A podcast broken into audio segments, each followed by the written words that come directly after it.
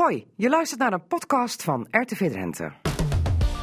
Cassata, Margriet Benak. Het is zaterdag 19 oktober 2019. Goedemiddag allemaal. Dit is Cassata aflevering 1067 over natuurlijk de week van Ruinewold na de bizarre vondst maandag van een opgesloten gezin in een boerderij. Met daarin een hele cruciale rol voor cafébaas Chris Westerbeek. Ook een hectische week was het voor LTO-bestuurder Jan Bloemert met allemaal boerenprotesten. Het radioforum is er zoals altijd. En speciale tafelgast is vandaag Klaas Smit, die vanwege een bestuurscrisis terugkeert als wethouder in Westerveld voor de VVD. Cassata, Margriet Benak. Ja, Ruinewold is ineens wereldnieuws. En wel vanwege de bizarre fondsmaandag van een opgesloten gezin in een afgelegen boerderij. En een cruciale rol hierin bij die ontdekking speelt cafébaas Chris Westerbeek van het café De Kastelein in Ruinewold. Want als hij de politie niet gebeld had, nou vul zelf maar in Chris, dan... Ja, ja dan uh, had misschien iemand anders gebeld. Ja, dan had misschien iemand anders gebeld. Ja, geen idee. Geen idee. Dan hadden ze er nog gezeten misschien. Misschien ook. Ja, ja. Je weet en, het niet. En, en je wordt wel een beetje gezien als de held van Ruinewold, hè? ja, zo wil ik mezelf niet noemen. Nee? nee. Maar ja, als jij niet aan de bel had getrokken bij de politie... Ja, misschien was het dan nog steeds uh, hetzelfde verhaal geweest. Ja, ja, je bent op allerlei televisiekanalen te zien geweest... nadat je bij RTV Drenthe als eerste je verhaal deed. En wat komt er dan op je af? Ja, veel meer dan ik had verwacht. Ja. Ik werd uh, gewaarschuwd uh, dinsdagochtend door je collega... Van uh, wees voorbereid voor wat er komen gaat aan uh, Mediastorm. Maar uh, dat dit erachteraan kwam internationaal, zoals dat had ik echt niet verwacht. Nee. En net zeiden jullie aan tafel, hoe is het in Ruinewold? Ah, rustig. Ja, rust is een beetje wedergekeerd in het dorp. Hè. Iedereen, heeft zijn, iedereen heeft wel een foto gemaakt of langs de plek geweest. Even kijken, even, wat gebeurt er in het dorp. Want dat is voor, voor ons natuurlijk ook nieuw.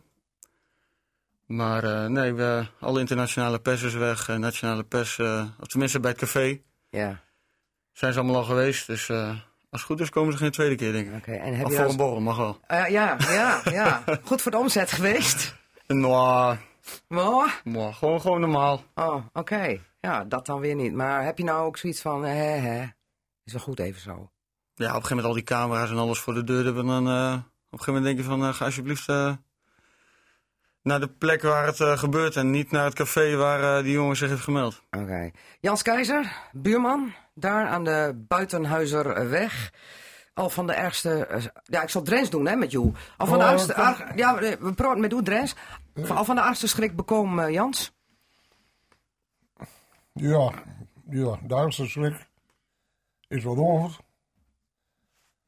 Maar uh, de gedachtegang giet nooit weer weg. Die keer, het net zo hoe vaak ik er aan, bij de huislagers word, dit giet nooit weer weg. Ja, en, en hij dan ook, hij ook nog zo'n bepaald schuldgevoel dan? Van, verdorie, was ik maar wat brutalere west en was ik maar eens een keer op dat erven west. Als ze, als ze weet niet meerdere keren de politie te vertrekken hadden ze al, dan was er al veel eerder wat gebeurd. Ja? Ja, wij, wij wisten allemaal, dat, ik, ik zal alles doen te beweren, iedereen bij ons aan de weg, die wist dat er wat aan de was. Als doe ik niet tackleloos en, en, en, en uh, voor vijf minuten om in mijn naam, dan weg dan die man zat maar en tacken we dit en vier minuten later tacken weer los, tacken weer dit. Ja. Er, er kwam, alles was er medisch afgesloten. Gewoon, uh, ook naar de oren in, uh, hij had daarna verachteling zo naar het water in dat er niemand belang. De buitenwereld mocht niet kijken wat de, er gebeurde. De buitenwereld die had er niks mee te maken. Hm, hm. En uh, ja, achteraf kunnen we jongens van alles voor kwalijk nemen. Ja. Maar we woonden toevallig ook aan de weg dat we elkaar in zoverre ook nog respecteert dat uh, uh, het is ook nog een keer die als mensen hun eigen leven wilt holen en onderhouden dan blijven we eraf. Ja. We gaan zo meteen uitgebreid verder praten, want uh, aan tafel zit hier ook uh, Drent Bruintjes van Sectehulp en ze is uh, exit counselor en sectedeskundige, want wat we inmiddels ook weten is dat het gezin daar volgens ja, de sectarische beginselen van de Moonsecte leefde. Ze zijn daar lid van eh, geweest. En gingen daar in die afgelegen boerderij eh, verder.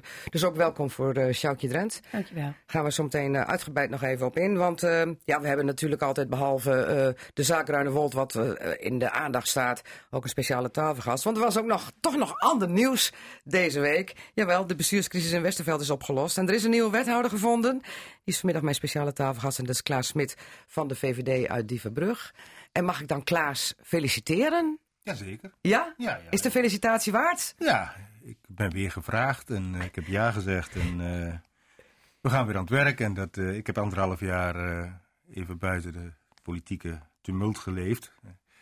En nou ja, ik, ik, heb er zin in. Dus felicitaties ja? op zijn plek, ja. Oké, okay, want het lijkt me toch wel een beetje een wespennest daar in, in Westerveld... als je alle berichten zo mag geloven. Nou... Kijk, uh, er is een wethouder uh, door de eigen fractie uit het college gehaald. Uh, oh, ik, ik heb van hem begrepen dat hij zelf ontslag heeft genomen, dat hij niet meer zag zitten. nou ja, goed, formeel is dat zo. de andere twee wethouders zijn gewoon mogen blijven, want dat had ook kunnen gebeuren dat het hele college naar huis gestuurd werd. En leg dus, even uit, wie zijn jouw collega's daar? Het is Jelle de Haas van Gemeentebelangen en Henk Doeven van DSSW. SW? Ja, D ja, DSSW, ja, ja, schuine streep SW. Ja. Zorg even ervoor dat ze die naam gaan veranderen. We zullen het erover on, hebben. Onuitspreekbaar. Ja. ja. Maar daar kun je goed mee samenwerken, denk ik? Ja, ja, die ken ik al heel lang en uh, uitstekende kerels. Ja. Nou, nou zit je op Twitter hè, als Klaas Smit. Dan moet je nog wel even je avatar aanpassen. Want er staat ex-boer en oud-bestuurder. Was wethouder in de gemo mooie gemeente Westerveld. Ja, dat klopt nog steeds. Want? Ik word dinsdag over een week geïnstalleerd pas. Oh, dus uh, je, kunt, je kunt er nog niet bij zetten aankomend wethouder nou, in Westerveld. Vaak hoef ik dat niet te veranderen, denk ik. Ja, ja. Maar um, had je nog gedacht dat, uh, dat er weer een plek op het plus was? Of dacht je, dat, nou, het is wel gebeurd, er zit nu progressief Westerveld uh, klaar? Ja, inderdaad. progressief Westerveld had plotseling vier zetels. Nou, felicitaties op zijn plek. Grootste partij. grootste partij. namelijk het initiatief voor de coalitievorming. Was meteen duidelijk dat de VVD niet mee zou mogen doen. Uh, maar... Want jij wilde wel weer, hè, als wethouder? Ja, ik was weer kandidaat, dus uh, nou ja, dat ging dus mis. Nou, uh... En toen kwam het toch nog goed? Ja, het kwam goed. Het is natuurlijk wel vervelend geweest, want jij praat ook al in negatieve zin over bestuurlijk Westerveld. hè, een wespennest, zei je. Nou, zo erg ja. zou ik het niet willen duiden. Okay. Het, is, het is wel jammer dat dit college niet, niet heel aan het eind gekomen is. Ja. dat had diverse redenen natuurlijk. Ja, maar wat was de belangrijkste reden volgens jou als je de zaken eens even van de zijlijn bekijkt? Uh,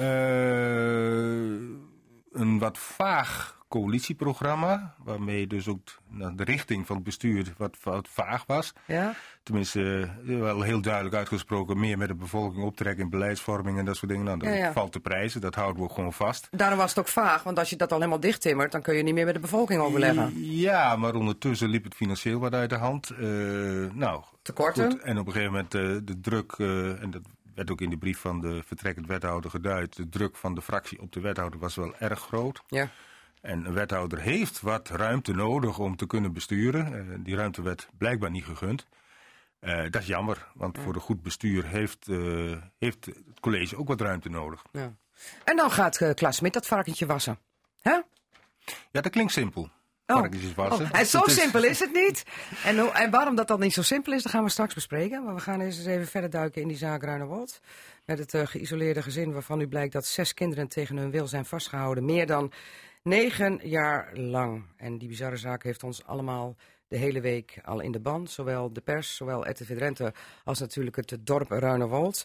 En ook vooral Chris uh, Westerbeek, de cafébaas van uh, de Kastelein in Ruinewold. Waar uh, zoon Jan, de oudste zoon van het gezin, alarm sloeg. En, of nou ja, alarm sloeg. Die deed zijn verhaal na vragen van Chris Westerbeek onder meer. En ook Jeffrey Scheper, de autozaak-eigenaar. En toen werd er alarm geslagen bij de politie en die namen de oudste zoon mee. Uh, stand van zaken is nu de 67-jarige vader Gerrit-Jan van D. en de huurder van de boerderij, de Oostenrijker Jozef B. Die zitten vast op verdenking van vrijheidsberoving, mishandeling en witwassen. En de zes volwassen kinderen zijn opgevangen en krijgen op alle fronten hulp, vooral geestelijk.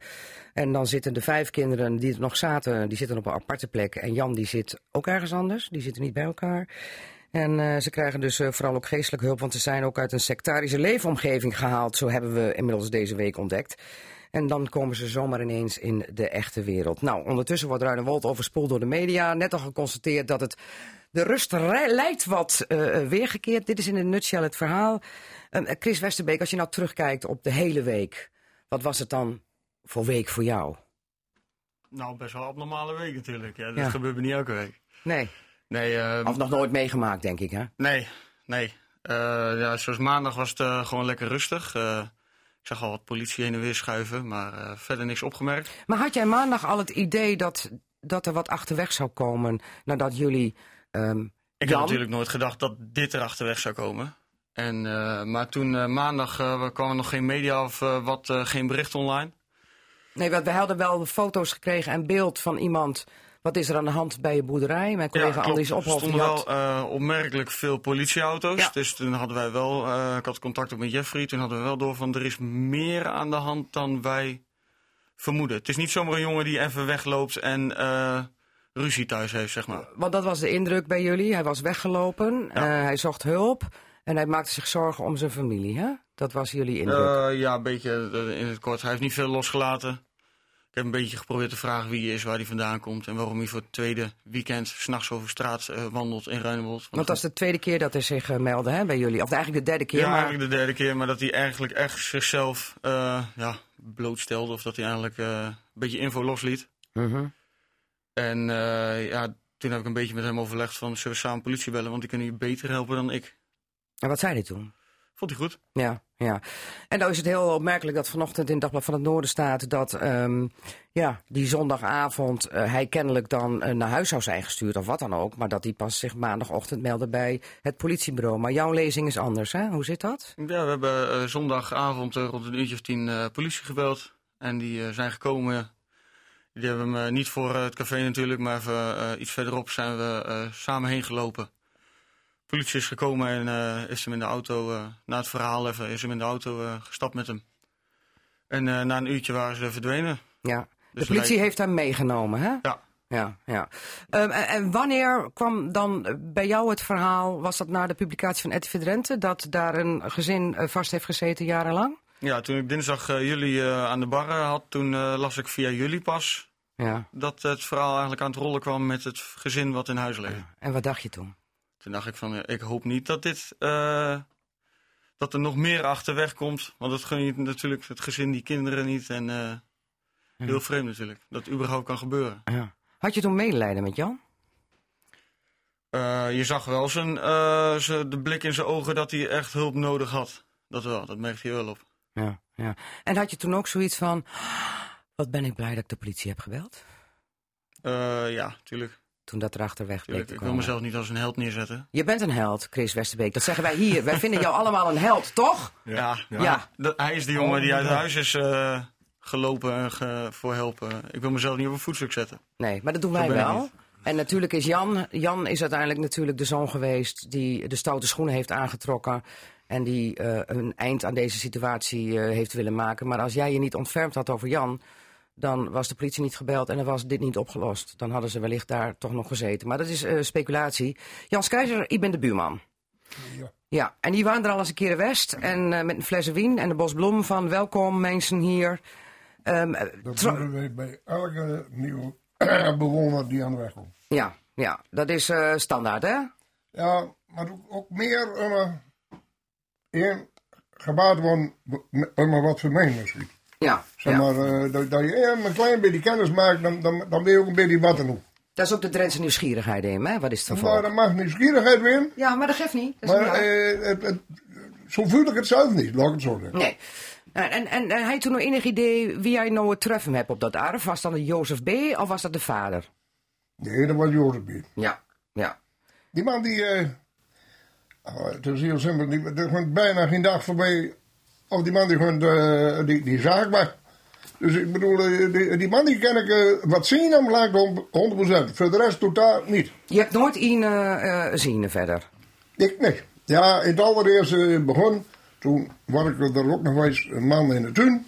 Een oudere man. Nou, toen hebben wij gewoon, eh, binnen wij ervan uitgegaan dat dat eh zijn vader was. Ja. Siva, de vader van Jozef B.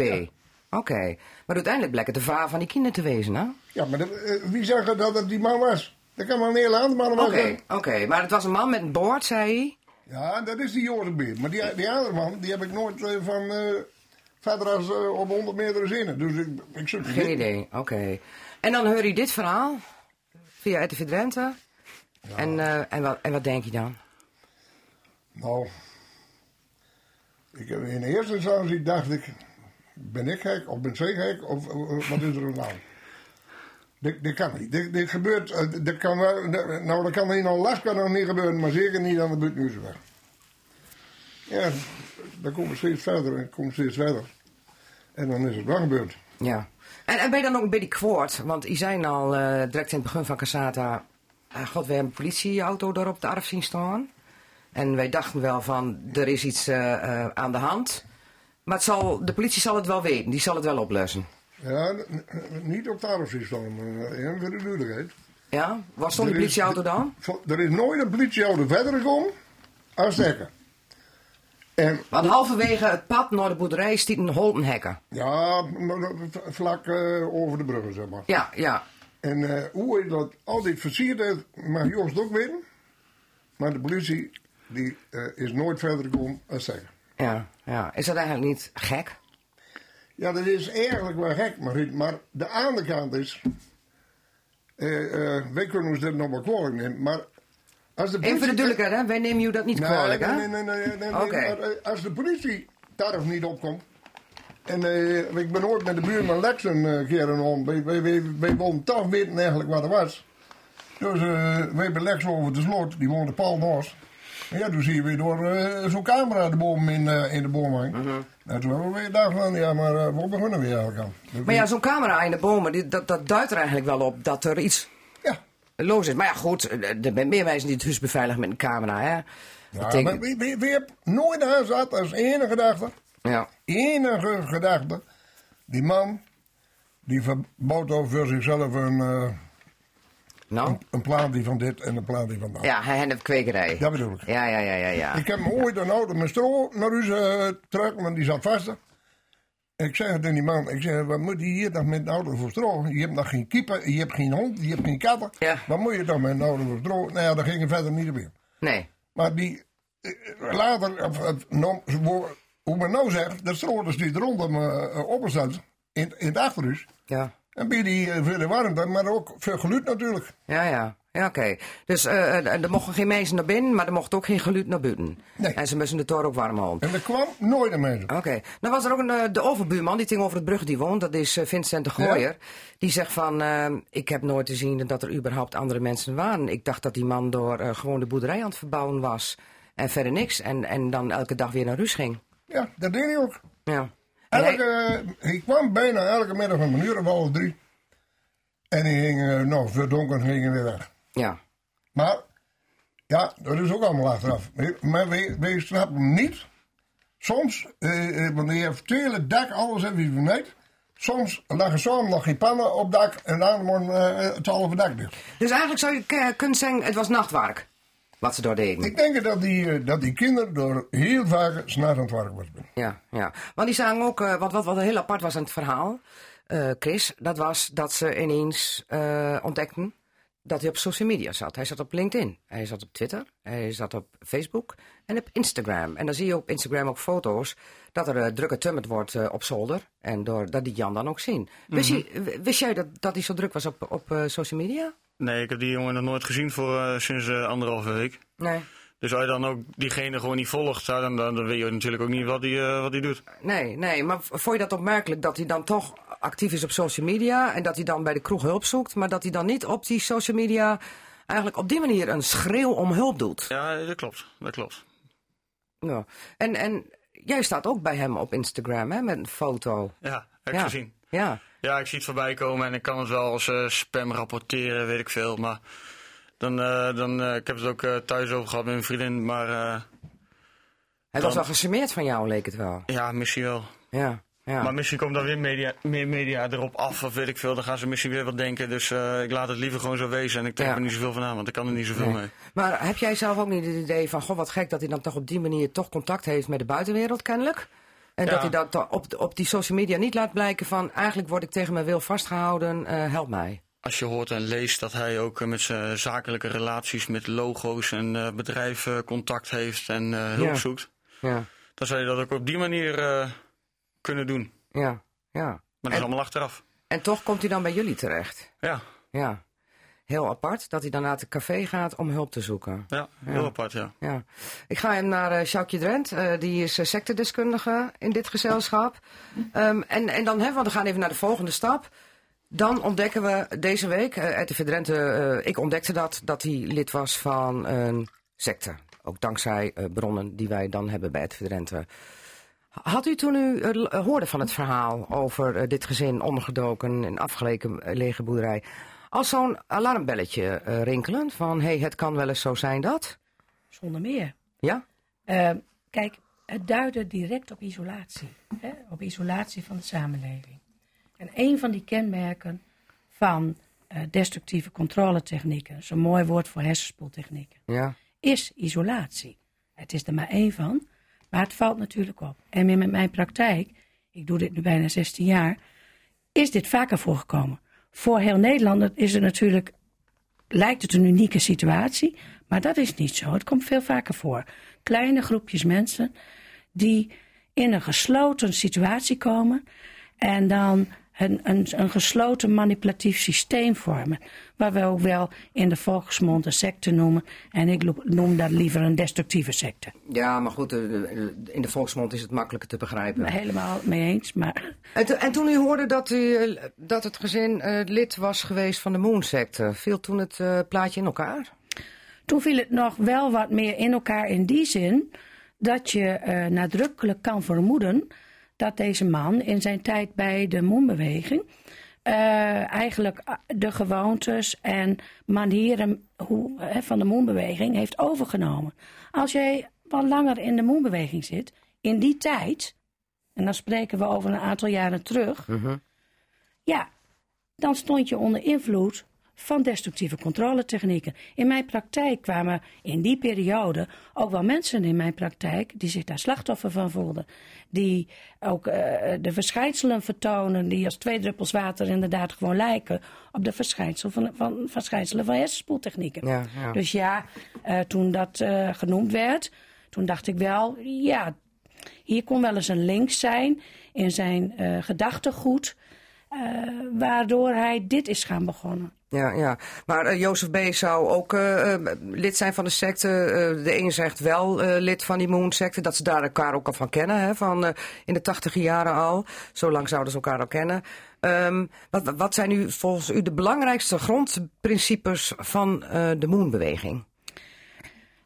Bij iedere sectarische structuur, en dat was in die tijd ook zo bij de Moonbeweging, eh, is mijn mening, begint dat met dat mensen zoekende zijn naar een religie of verdieping van een religie, religie in dit geval.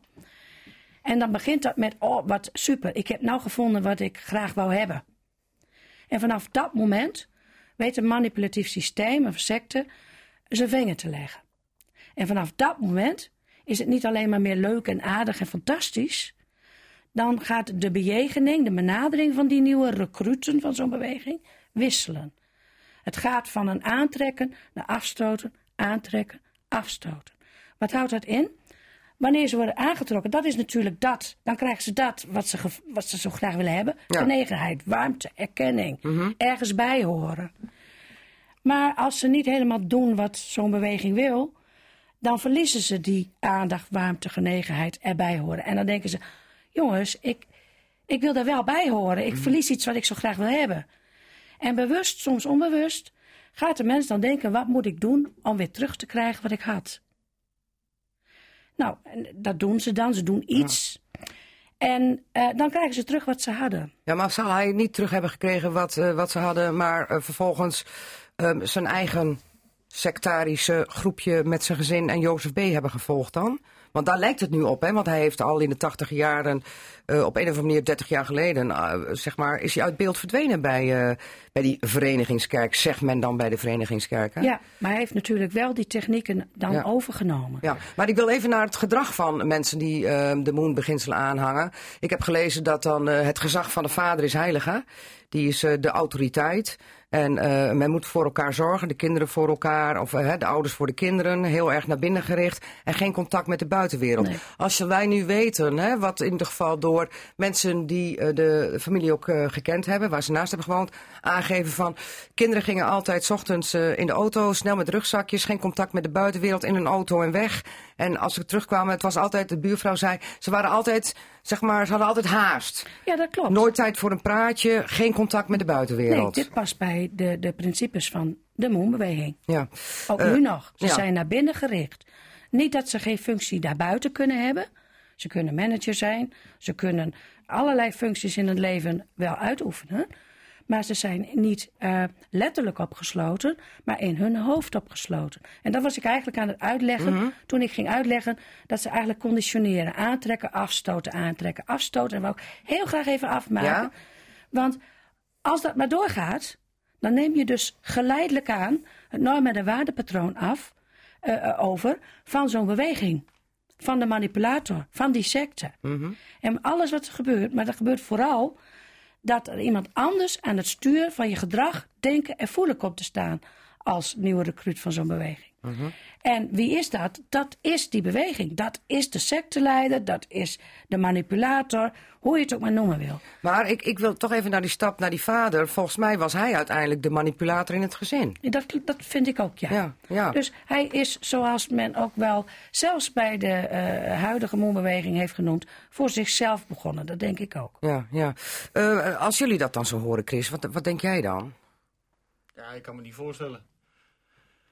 Gewoon Nee. eh, de, de hele beweging, de, de, het, eh, eh, bij elkaar blijven, het gevoel, net als wat ik tegen Jan zei in de auto. Als je, je kan je niet voorstellen je negen jaar afgesloten zit, in welke vorm dan ook van de buitenwereld. Ja, ja. En net als dat je zegt van met social media en je hebt hulp nodig, dan moet dat toch een stuk eh, beter kunnen in deze wereld van nu. Ja, maar als je kijkt ook naar de, de uitlatingen hè, van eh, Jansson, de oudste zoon eh, die eh, hulp heeft gezocht, dan zie je dat ze ook heel veel met natuur bezig zijn, ook met mediteren.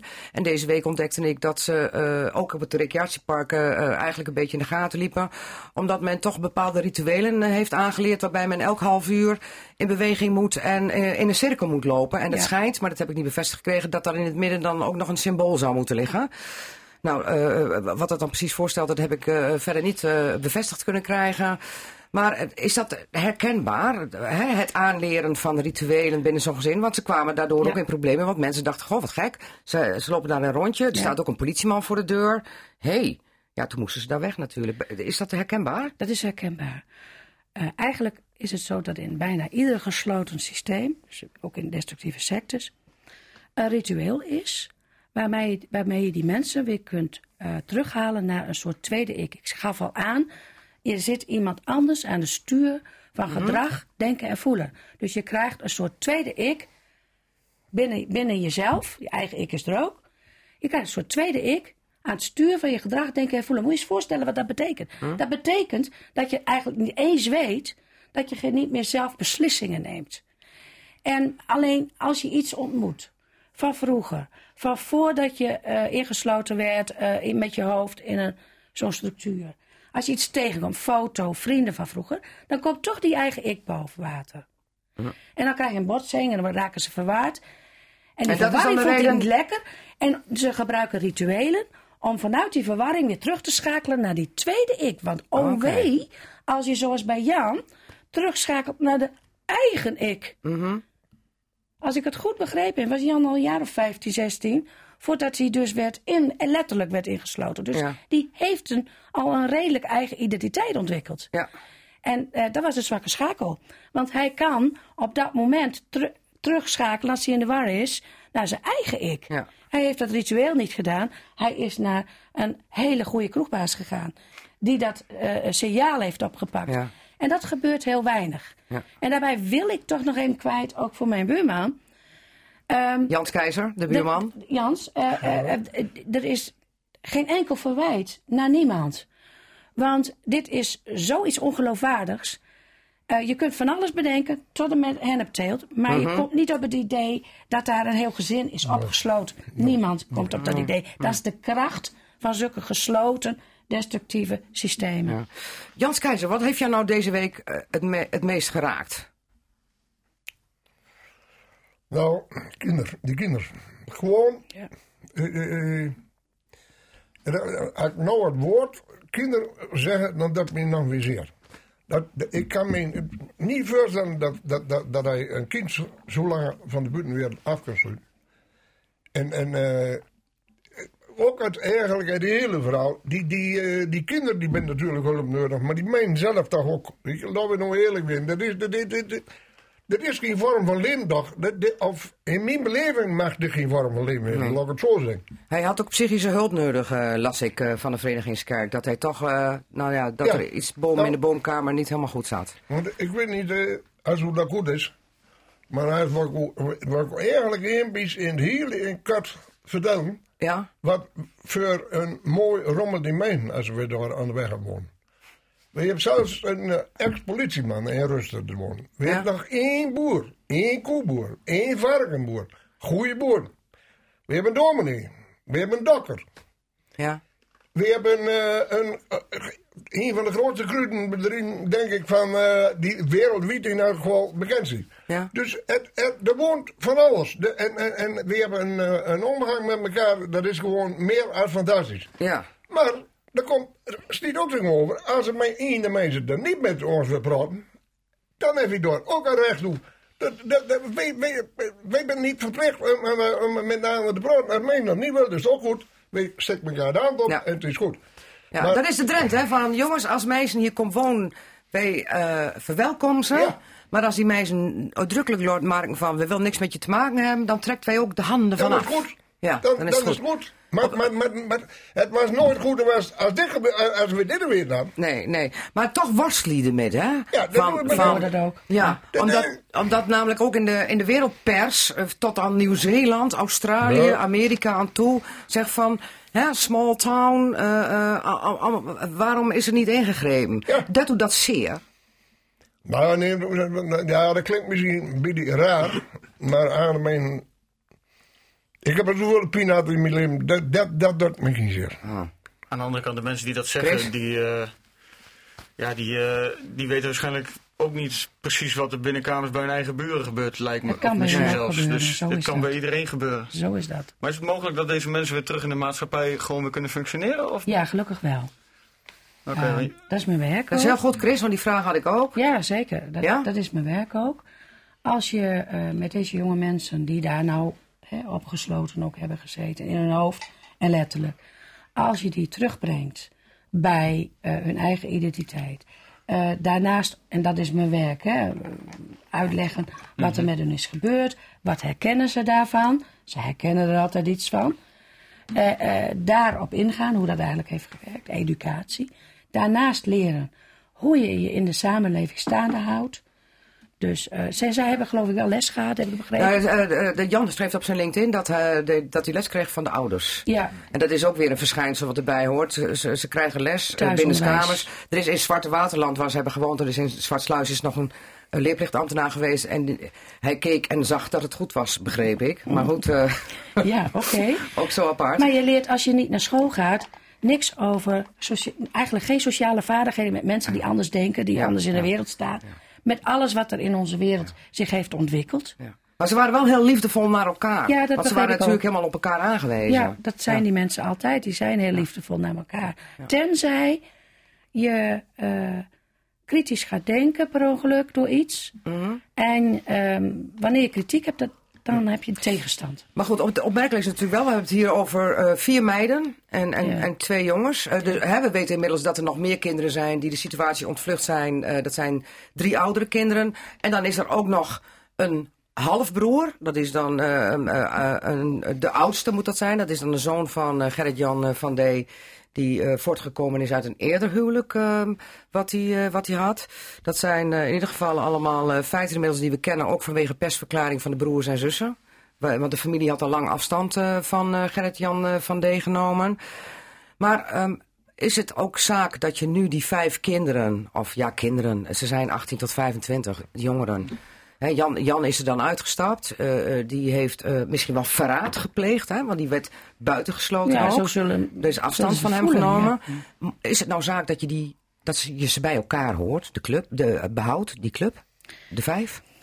Nou, er zijn voor- en nadelen aan het eh, scheiden van mensen die in zo'n club hebben gezeten natuurlijk. Hè. Ja, maar het is familie, hè? Ze zijn eh, eh, Maar het is en zussen. familie en als je ze uit elkaar haalt, dan is de eerste reacties hakken in het zand. Dan is de eerste reactie ook eh, blijven terugschakelen naar die tweede ik. En dan, her- dan, dan zijn ze onbenaderbaar eigenlijk. Ja, je kunt wel met ze praten, maar je praat eigenlijk niet met zezelf. En dat klinkt vreemd. Het Oké. klinkt een beetje spooky. Ja, dan blijven ze erin hangen, Maar- zeg je eigenlijk. Ja, met- eigenlijk wel. De kans is groter dat het dan langer duurt dat ze eruit komen. Want val je de, de, de leider aan, dat is de vader in Ja, maar die is er nu uitgehaald, want die, is, die zit vast. Die En- is gearresteerd. Ja, maar die kinderen zullen dat voelen als een, als een aanval op hun vader en de leider van hun. En dan maken ze een terugtrekkende beweging, denk ik. Eh, ja, dat zal eerst even duren. Daar ben ik van overtuigd. Dus is het dan verstandiger om ze uit elkaar te halen? Om Nou ja, te- dat patroon te doorbreken? Er zijn wel voordelen aan, maar als exit counselor kan ik niet anders zeggen nou, dat zou ik nou niet doen. Ja, dat, niet. Nu niet. Niet in, niet in het begin, nee. Oké. Want het, het wonderlijk is ook wel, hè, ze, ze- waren... Want Jan zag er, nou ja, verwaarloosd uit. Onverzorgd. Ja, eerder Chris? onverzorgd dan Onverzorgd. verwaarloosd. Ja. On- onverzorgd. Want ik heb ook begrepen dat die kinderen werden aangetroffen in kleren van negen jaar geleden. Altijd dezelfde kleren. Oh, Ja, dat zou kunnen. ja. Wat, wat Ik heb de kids niet gezien, alleen Jan. ja, je hebt alleen Jan gezien, maar hangt er dan ook een geurtje aan? Dat bedoel ik eigenlijk. Van, Ja, hij eh, zat buiten, dus eh, ik sta een paar meter van hem af. Dus ik heb niet specifiek geroken. Zo van het ruikt naar een negen jaar oud eh, ongewassen kledingstuk. Dat nee, niet. nee, nee, dat niet. Dat niet. Maar eh, eh, ik weet wel dat er direct nieuwe kleding voor ze is gekocht. En dat ze helemaal niet wisten hoe ze ermee om moesten gaan. Evenals dat ze bedden hadden allemaal apart. eh, in het recreatiebungalow allemaal een eigen bed. Nou, dan waren ze ook wel heel erg... eh, wat, wat moeten we daarmee? Herken je dat, uh, Sjoukje? Zeker. Bedenk dat kleding, haardracht, eh, dat, dat, dat moet anders zijn dan in de rest van de samenleving. Ja. Want je mag natuurlijk niet dichter bij die samenleving komen. Want dan Oh. zou je veranderen. Dan zou je wel eens na kunnen gaan denken. En alles wat een manipulator wil, die wil geen kritische denkers om zich heen. We hebben inmiddels ook eh, geconstateerd dat er een lapje grond eh, in Punthorst is. Dat is bij Staphorst. Waar, een, eh, waar hij van plan was een idylle eh, te stichten. eh, zeg maar een, een natuur. Want er is eh, ook tot mij gekomen dat ze waren aan het wachten op het einde der tijden. En dan denken mensen gelijk van dat de wereld vergaat. Maar einde der tijden behoort ook tot de Moonsecte. Want eh, dat heeft de man van de Verenigingskerk ook aangegeven. Het einde der tijden wordt mee bedoeld. Hè? We staan op een kruispunt. En eh, er komt een andere aarde. Niet dat de huidige aarde vernietigd wordt, maar dat komt door het goede te doen. Klopt dat, Sjoukje?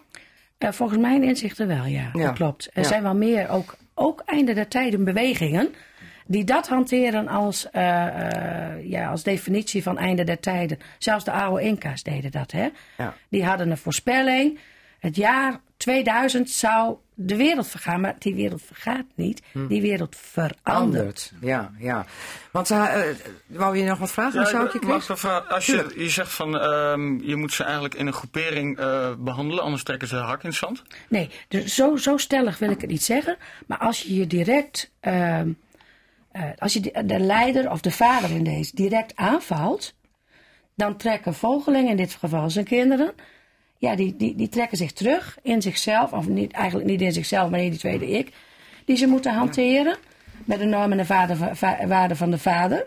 En die zijn boos. Ja. Hoe, als, als mensen boos worden, kom je daar nauwelijks doorheen. Ja. Maar ja, goed, die vader is aangehouden. Dat kon, kon niet Ja. anders, want die wordt wel even... Begrijp of ook, even, hoor. die wordt beschuldigd van vrijheidsberoving. Het ontzeggen ook van medische hulp, hè, want Ja, dat komt er dan even bij. Dat is dan hoor. geestelijke mishandeling. En we hebben het ook over fysieke mishandeling, heb ik wel begrepen.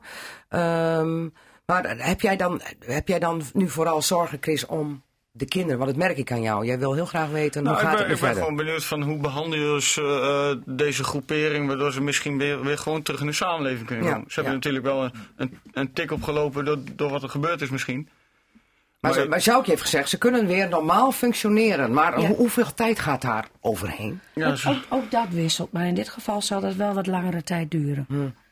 Kijk, als je volwassenen, als ik volwassenen in mijn praktijk krijg, die lid zijn geweest van een, zo- zo'n destructieve secte, die kan je soms, als ze al bij mij komen, eh, kan ik die in drie tot vijf keer begeleiden, wakker maken, wakker schudden. En dan volgt er nog wel een periode van weer deelnemen aan de samenleving. Dat begrijp je ook al wel uit dit verhaal. Ehm, dus ja, Maar in dit geval gaat het ook om kinderen die al jong in deze eh, cultuur hebben gezeten. Die Of- weten niet beter. die weten niet beter. En dat, dat duurt gewoon wel wat langer. Maar dat ze weer normaal kunnen gaan functioneren, ja, daar is alle hoop op bij mij. Oké. Nou, nou heb ik het woord normaal. Dat is wel een Ah, ja. vijfde keer Jans? Ja. Ja. Wie bepaalt nou wat normaal is dan? Nou, bij goed, bij Jans. mij is de grens, ja, daar heb ik een antwoord op. Ja? Da- bij mij is de grens daar, ehm, wanneer je iemand zelfbeschikking afneemt, eigen vrije wil, identiteit afneemt, dan ga je te ver. Dan neem je iemand iets af Ja. wat helemaal van zichzelf, van hem of haarzelf is. En dat vind ik het enige wat niet normaal is. Ja. Even bij normaal blijven. Wanneer wordt het weer normaal in Ruinerwold, Chris? De rust is wel uh, wedergekeerd al. Ja? Grotendeels, ja. Maar wordt het ooit nog weer normaal in Ruinerwold? Want Ruinerwold is nu wereldnieuws. Je hoeft maar op te klikken op het woord Ruinerwold. Het gaat nooit meer weg op Google. Ja, er gaat tijd overheen, denk ik. Ja? Soms hoor je wel van, eh, van eh, ken je wel dat ene dorp? Ja. Maar, eh, Ja, was dat niet van dat gezin? Ja, dat ja. In die boerderij? Ja, je weet niet wat, er nou, wat de afloop is natuurlijk. Maar Nee. ik denk Nee. dat er wel even een tijdje zo blijft, ja. Ja. En, en- en hoe zit dat met jou, Jans? Wat denk je ervan? Nou, ik denk dat hier nog veel meer achteraan komt. Ja? Er zijn sowieso nog twee gevallen naar Brunnewold. Die hier heel veel op blikt. Oh? Wat zeg je nou? Ja, ik, ik, ik, ik wil er verder niet over praten, maar ik wil er zeggen, niet zijn. Nee, daar moet je dus nu wel over praten. Want dan vind ik dat je nee, nu erin nee, moet gaan. Dat ene geval, daar is de politie ook al meerdere keren eh, voor het hekken was. Ja, maar dat zegt niks, want dat zie je wel aan dit geval. Ja, Daar is de maar- politie ook aan het eh. Dat bedoel ik nog net. Waar is de politie voor eh, in, in Nederland? Oké. Er lopen er eh, hele goede naar, hele. Oké. Maar ik begrijp het niet dat een politie zich op die manier van de dam af laat sturen. Maar dat doet, zo gaat ze bij mij niet van de brug af. Nou was Jannie, Knol, de, de politieboos van eh, Noord-Nederland, of de tweede man bij de politie in Noord-Nederland, die heeft bij Pauw gezegd van ja, want Pauw zei ook van oh, en dan, en dan bel je eraan en dan word je weggestuurd en dan laat je je zomaar wegsturen. Nee, zegt ze, je moet hele concrete bewijzen hebben, wil je daar binnentreden. Wat denk je dan als ze zoiets zegt? Dikke flauwekul. Oké, dikke flauwekul. en, en, en als je nou dan... eh, Dus die verwieten het eigenlijk de politie wel. Dat nou, niet eerder... Nee, Ik, ik verbied het in wezen... Ja, Wie verbiedt hij dan ja, wat? eigenlijk eh, het hele gedoe eh, allemaal een beetje. Ik- Allemaal. Eh, maar de politie heeft in, in, in dit geval wel ermee aan middenwerkt dat wij er niks aan gedaan hebben. In de zin van, eh, Ja. het het werd met meerdere keren verteld. Ja, ja, omdat de politie daar stond, dacht je, het komt wel goed. Ze hebben hem de boel Nou, nee, insmissen. Wij, wij, wij denken, dachten nog steeds, nou, nou, laat die man dan met zijn plaatjes zo een beetje. Nou, Mm. nou, ik. Ja, ja, misschien gewoon wel een paar plaatjes ophalen of zo. Nee, grapje. De Nederlandse wet is niet voldoende uitgerust om hier iets aan te kunnen doen op dat moment. Nee? Nee, Nee. weet u dat? Ja, dat meen ik. Ik kom het natuurlijk veel vaker tegen. En in de Nederlandse wet eh, staat wel beschreven dat je niet aan, aan vrijheidsberoving mag doen. Dat is strafbaar. Ja. Dus dat hadden ze wellicht misschien wel kunnen bedenken. Alleen Maar ja, bedenk als- maar eerst eens dat daar een gezin wordt opge- opgesloten. En de Nederlandse wet voorziet niet in dat het gebeuren kan dat mensen in hun hoofd worden opgesloten. Maar het is wel zo, op het moment dat daar überhaupt politie was binnengekomen... Het viel niet in de smissen, want in de woonkamer stond een kast, een boekenkast en daarachter een deur. En er was een trappetje naar beneden en daar was die ruimte. Ik heb zelf gezien de signalen die ik nu allemaal heb gekregen, wat daar hè, aan bewegingssensoren, camera's was, dat het een soort panic room was. Op het moment dat daar een, eh, iemand de boerderij naderde, dan ging er een alarmbel af. En dan moesten ze allemaal hup in die, in die ruimte. Want ze hadden wel bewegingsruimte, hè, voor alle duidelijkheid. Ze mochten wel bewegen rond de boerderij. eh, maar op het moment dat iemand die boerderij naderde, was het hupse flups in die ruimte. En daar leefden ze trouwens ook. Dus je zag niet dat er bewoning was. Dus als de politie er wel was geweest, hadden ze misschien eigenlijk niks verdachts gezien, Jans. Ja. Ja, maar als is verbrande turf, hè? Dan gaan we nog weer, ja, dan Ja. krijgen we dat ook nog. Nee, nee, maar ik met bedoel, dat- ik met bedoel maar, eh, het was ook op een of andere manier heel goed verstopt. Want dan ga ik hem naar Klaas Smit, die is tafelgast. En die is eh, bekend met het gemeentebestuur. Ehm, ehm, hoe moet je als gemeentebestuur hier nou mee omgaan dat Ruinewold op de wereldkaart staat met zoiets? En eh, is daar een rol voor de gemeente weggelegd om te zorgen dat ja, Ruinewold toch weer op een andere manier in de picture komt? Want Roger de Groot die zei deze week, ja jeetje, wereldnieuws, ik was liever met iets anders eh, op de kaart gezet. Hoe tackle Ja. je dit probleem, eh, Klaas? Tot op zekere hoogte is naamsbekendheid, naamsbekendheid, hè? Ja, naamsbekendheid is Hoe het ook ontstaat. ja, ja. Maar wat mij vooral treft, ook vooral in het verhaal van Jans, is de emotie die daar in de buurt speelt. En ook eh, in de berichtgeving van in een dorp is zoiets mogelijk. Ja. Eh, Een beetje verwijtend ook, hè? ja, ik vraag me af waarop dan eh, die, die, verantwoordelijkheid van het dorp betrokken wordt. Want als dit nou in de stad gebeurd was, in een straat, was het dan logischer geweest dat het daar was plaatsgevonden dan in een dorp? Ja, omdat de perceptie van de stad meestal is dat mensen daar langs elkaar heen leven. maar goed, dat is ook mensen jaren dood op een kamer liggen Ja. en dat Ja. niemand wat on- ontdekt heeft. Nou, ik kan je verzekeren, dat zou in onze ge- plattelandsgemeente ook kunnen gebeuren. hoor. Ik heb op werkbezoek ook wel eens een kluizenaar aangetroffen in een verwaarloosd hokje achter op een eh, recreatieterrein. Het, het leeft bij ons ook. Alleen Ja. we worden als plattelandsbewoner in de media veel sterker op die verantwoordelijkheid naar elkaar betrokken. Ja, ja, dat valt me op. Maar ja, dat was ook mijn eerste gevoel. Hè? Toen, ik, toen ik de tip kreeg eh, dinsdagmorgen, terwijl ik nog in de badjas stond, denk ik, wat, wat, wat maak je me nou? Wat is het naberschap? Ja. Dacht ik, dacht ik van, wat is dit nou Drents naberschap? Maar Jans heeft heel goed uitgelegd. Noorderschap is ook een ander vrijlaat. Ja, helemaal juist. En, eh, dat dit gebeurd is, is natuurlijk heel, heel verschrikkelijk. Ja, Die dat nooit mag. nee. En toch leef ik erbij, eh, als, als, eh, als, er, als je met mij een nummer gaat en die het liever niet Ja, verder met praten, dan moet je dat, dan moet je dat respecteren. En, en, en, en, en, en niet, eh, maar nee. We gaan naar de afronding. Wat is de belangrijkste vraag, Chris, waar jij nou nog mee zit? Eh, hoe, het, eh, hoe het verhaal gewoon afloopt. Hmm. Iedereen heeft zijn eigen verhaaltje klaar en iedereen maakt een heel groot verhaal. Maar eh, dat, ja, dat vragen de media zich natuurlijk ook wel aan ons. Maar eh, we moeten gewoon eh, wachten tot de politie het nieuws naar buiten brengt. Ja. Gewoon kijken Ja. wat er gebeurt en hopen ze- dat het goed komt. Ze zijn dagen al wezen zoeken hè, op en rond eh, de boerderij, eh, in- in de boerderij. Hè, er is eh, een hele dikke tas met geld aangetroffen. Het loopt eh, bijna tegen een ton aan. De politie wil het niet zeggen, maar het schijnt tegen een ton aan te lopen. Ik zou wel eens even willen weten, maar dan wil de politie ook, waar komt dat geld vandaan? Maar goed, ehm, eh, maak je je ook nog zorgen over de kinderen? Want hè, seksueel misbruik wordt ook onderzocht, kan nog niet worden uitgesloten. Schrik je daar dan van, van zo'n maar opmerking van de politie? eh, het schijnt of het zou zijn. Ja, Eerst zien dan geloven is het gewoon. Feiten. Ja. ja. Ja. Wat is de belangrijkste vraag voor jou, Jans? Ja, nou, dat, ja, in zoverre dat kan, dat die kinderen Ja, op een goede manier er nog afkomen. Maar Jan, is me goed om komen dat die kinderen die, die vonden het nou allemaal zo apart, dat ze allemaal een bed hadden of dit of Ja. dat. Ik weet nog wel dat hadden wij met een heel stel in de, in de beddensteek Dus Ja, dan, oké. dan, kun je- wel denken van, eh, eh, dat ieder mens eh, wel zo in de tijd middag is, maar dat hoeft wel niet. Alhoewel, nee. Ik, vind ik tenminste niet, maar Klaas, die heeft ook een vraag. Ik heb ook nog een vraag. Ja, want er is- er Kort, want we hebben nog en- twee enorm veel nieuwsgierigheid, enorm veel media-aandacht. Maar in hoeverre belemmert dat straks weer een normale terugkeer naar de samenleving? Want we zullen op een gegeven moment toch ook afstand moeten nemen van het gezin als het goed opgevangen is. Om een normale rol in de samenleving weer te kunnen krijgen. Als we daar bovenop blijven zitten, dan wordt die kans denk ik. Ja, want wij willen natuurlijk heel graag in contact komen ja, met die ik snap kinderen. dat wel, maar. Maar dan sta je ook in, in tweestrijd, hè? Ja. ja. Klaas, als ik me ook nog wel vragen mag. Kort. Waarom heeft de politie, het is maar een wegging van niks, begon uiteindelijk niet afgezet? Vanwege de media. Van, van, van, vanwege de hele barm, alles is nog zo groot als nou. En eh, Ja. er had niemand van ons behoefte aan die kiekerijen en dat gedoe.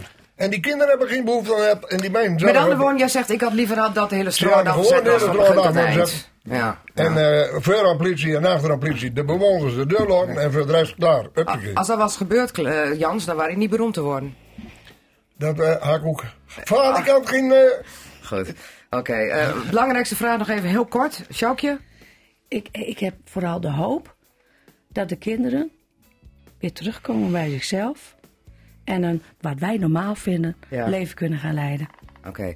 Of dat zal gebeuren, eh, dat eh, gaan we allemaal afwachten. Er zijn nog heel veel vragen in dit dossier. En eh, wij volgen de zaak Ruinewold natuurlijk op de voet. Ik wil je hartstikke bedanken dat je hier was, Chris Westerbeek. Toch de held van Ruinewold. Ook al wil je het niet En horen. taxichauffeur. En, en taxichauffeur. en kok in de, bij de kastelein. Jans. Kleine, dankjewel dat je er was. Sjoukje Drent en Klaas Smit, je blijft nog even zitten. Want er is natuurlijk zometeen het vervolg van Casata. Tot zo.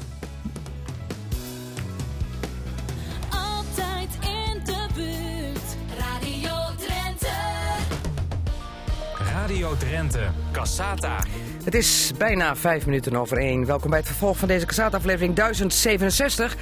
Met zometeen de hectische week van LTO-bestuurder Jan Bloemert. Want behalve de week van Ruinewold was het ook de week van boerenprotesten. En dat ging er soms heftig aan toe. Het Radioforum bespreekt het nieuws van deze week. En speciale tafelgast is de kerstverse, of beter gezegd de oud-belegen... wethouder van de VVD in Westerveld, Klaas Smit. Want hij keert terug op het plus na een bestuurscrisis in Westerveld. Maar wat gaat hij daar nou precies doen? Margriet Benak. Ja, Klaas, wat ga je daar doen? Ja, nou, we gaan, eh, we worden weer, eh, of ik ben dan weer lid van het college van Westerveld. Ja, dat snap ik, maar welke portefeuille ga je doen? En ik doe de portefeuille, dus de grootste porte- eh, grote portefeuille financiën. Dat is nog wel een dingetje nu. Hè. We waren altijd een redelijk Oh, rijke, rijke gemeente en dat is plotseling anders. Dat Ja. eh, doordat nou, het Rijk niet meegroeit met onze uitgaven wat betreft de uitkering. Ik mag RO doen, dat wordt ook nog... eh, Ruimtelijke ordening. Ja, ruimtelijke ordening met de nieuwe omgevingswet. Daar gaat ook de boel op de kop. Eh, dus daar moeten we ook eh, de boel anders inrichten en de burger betrekken met wat voor gemeente wil je nu eigenlijk hebben. En verder mag ik nog onderwijs jeugdzorg doen.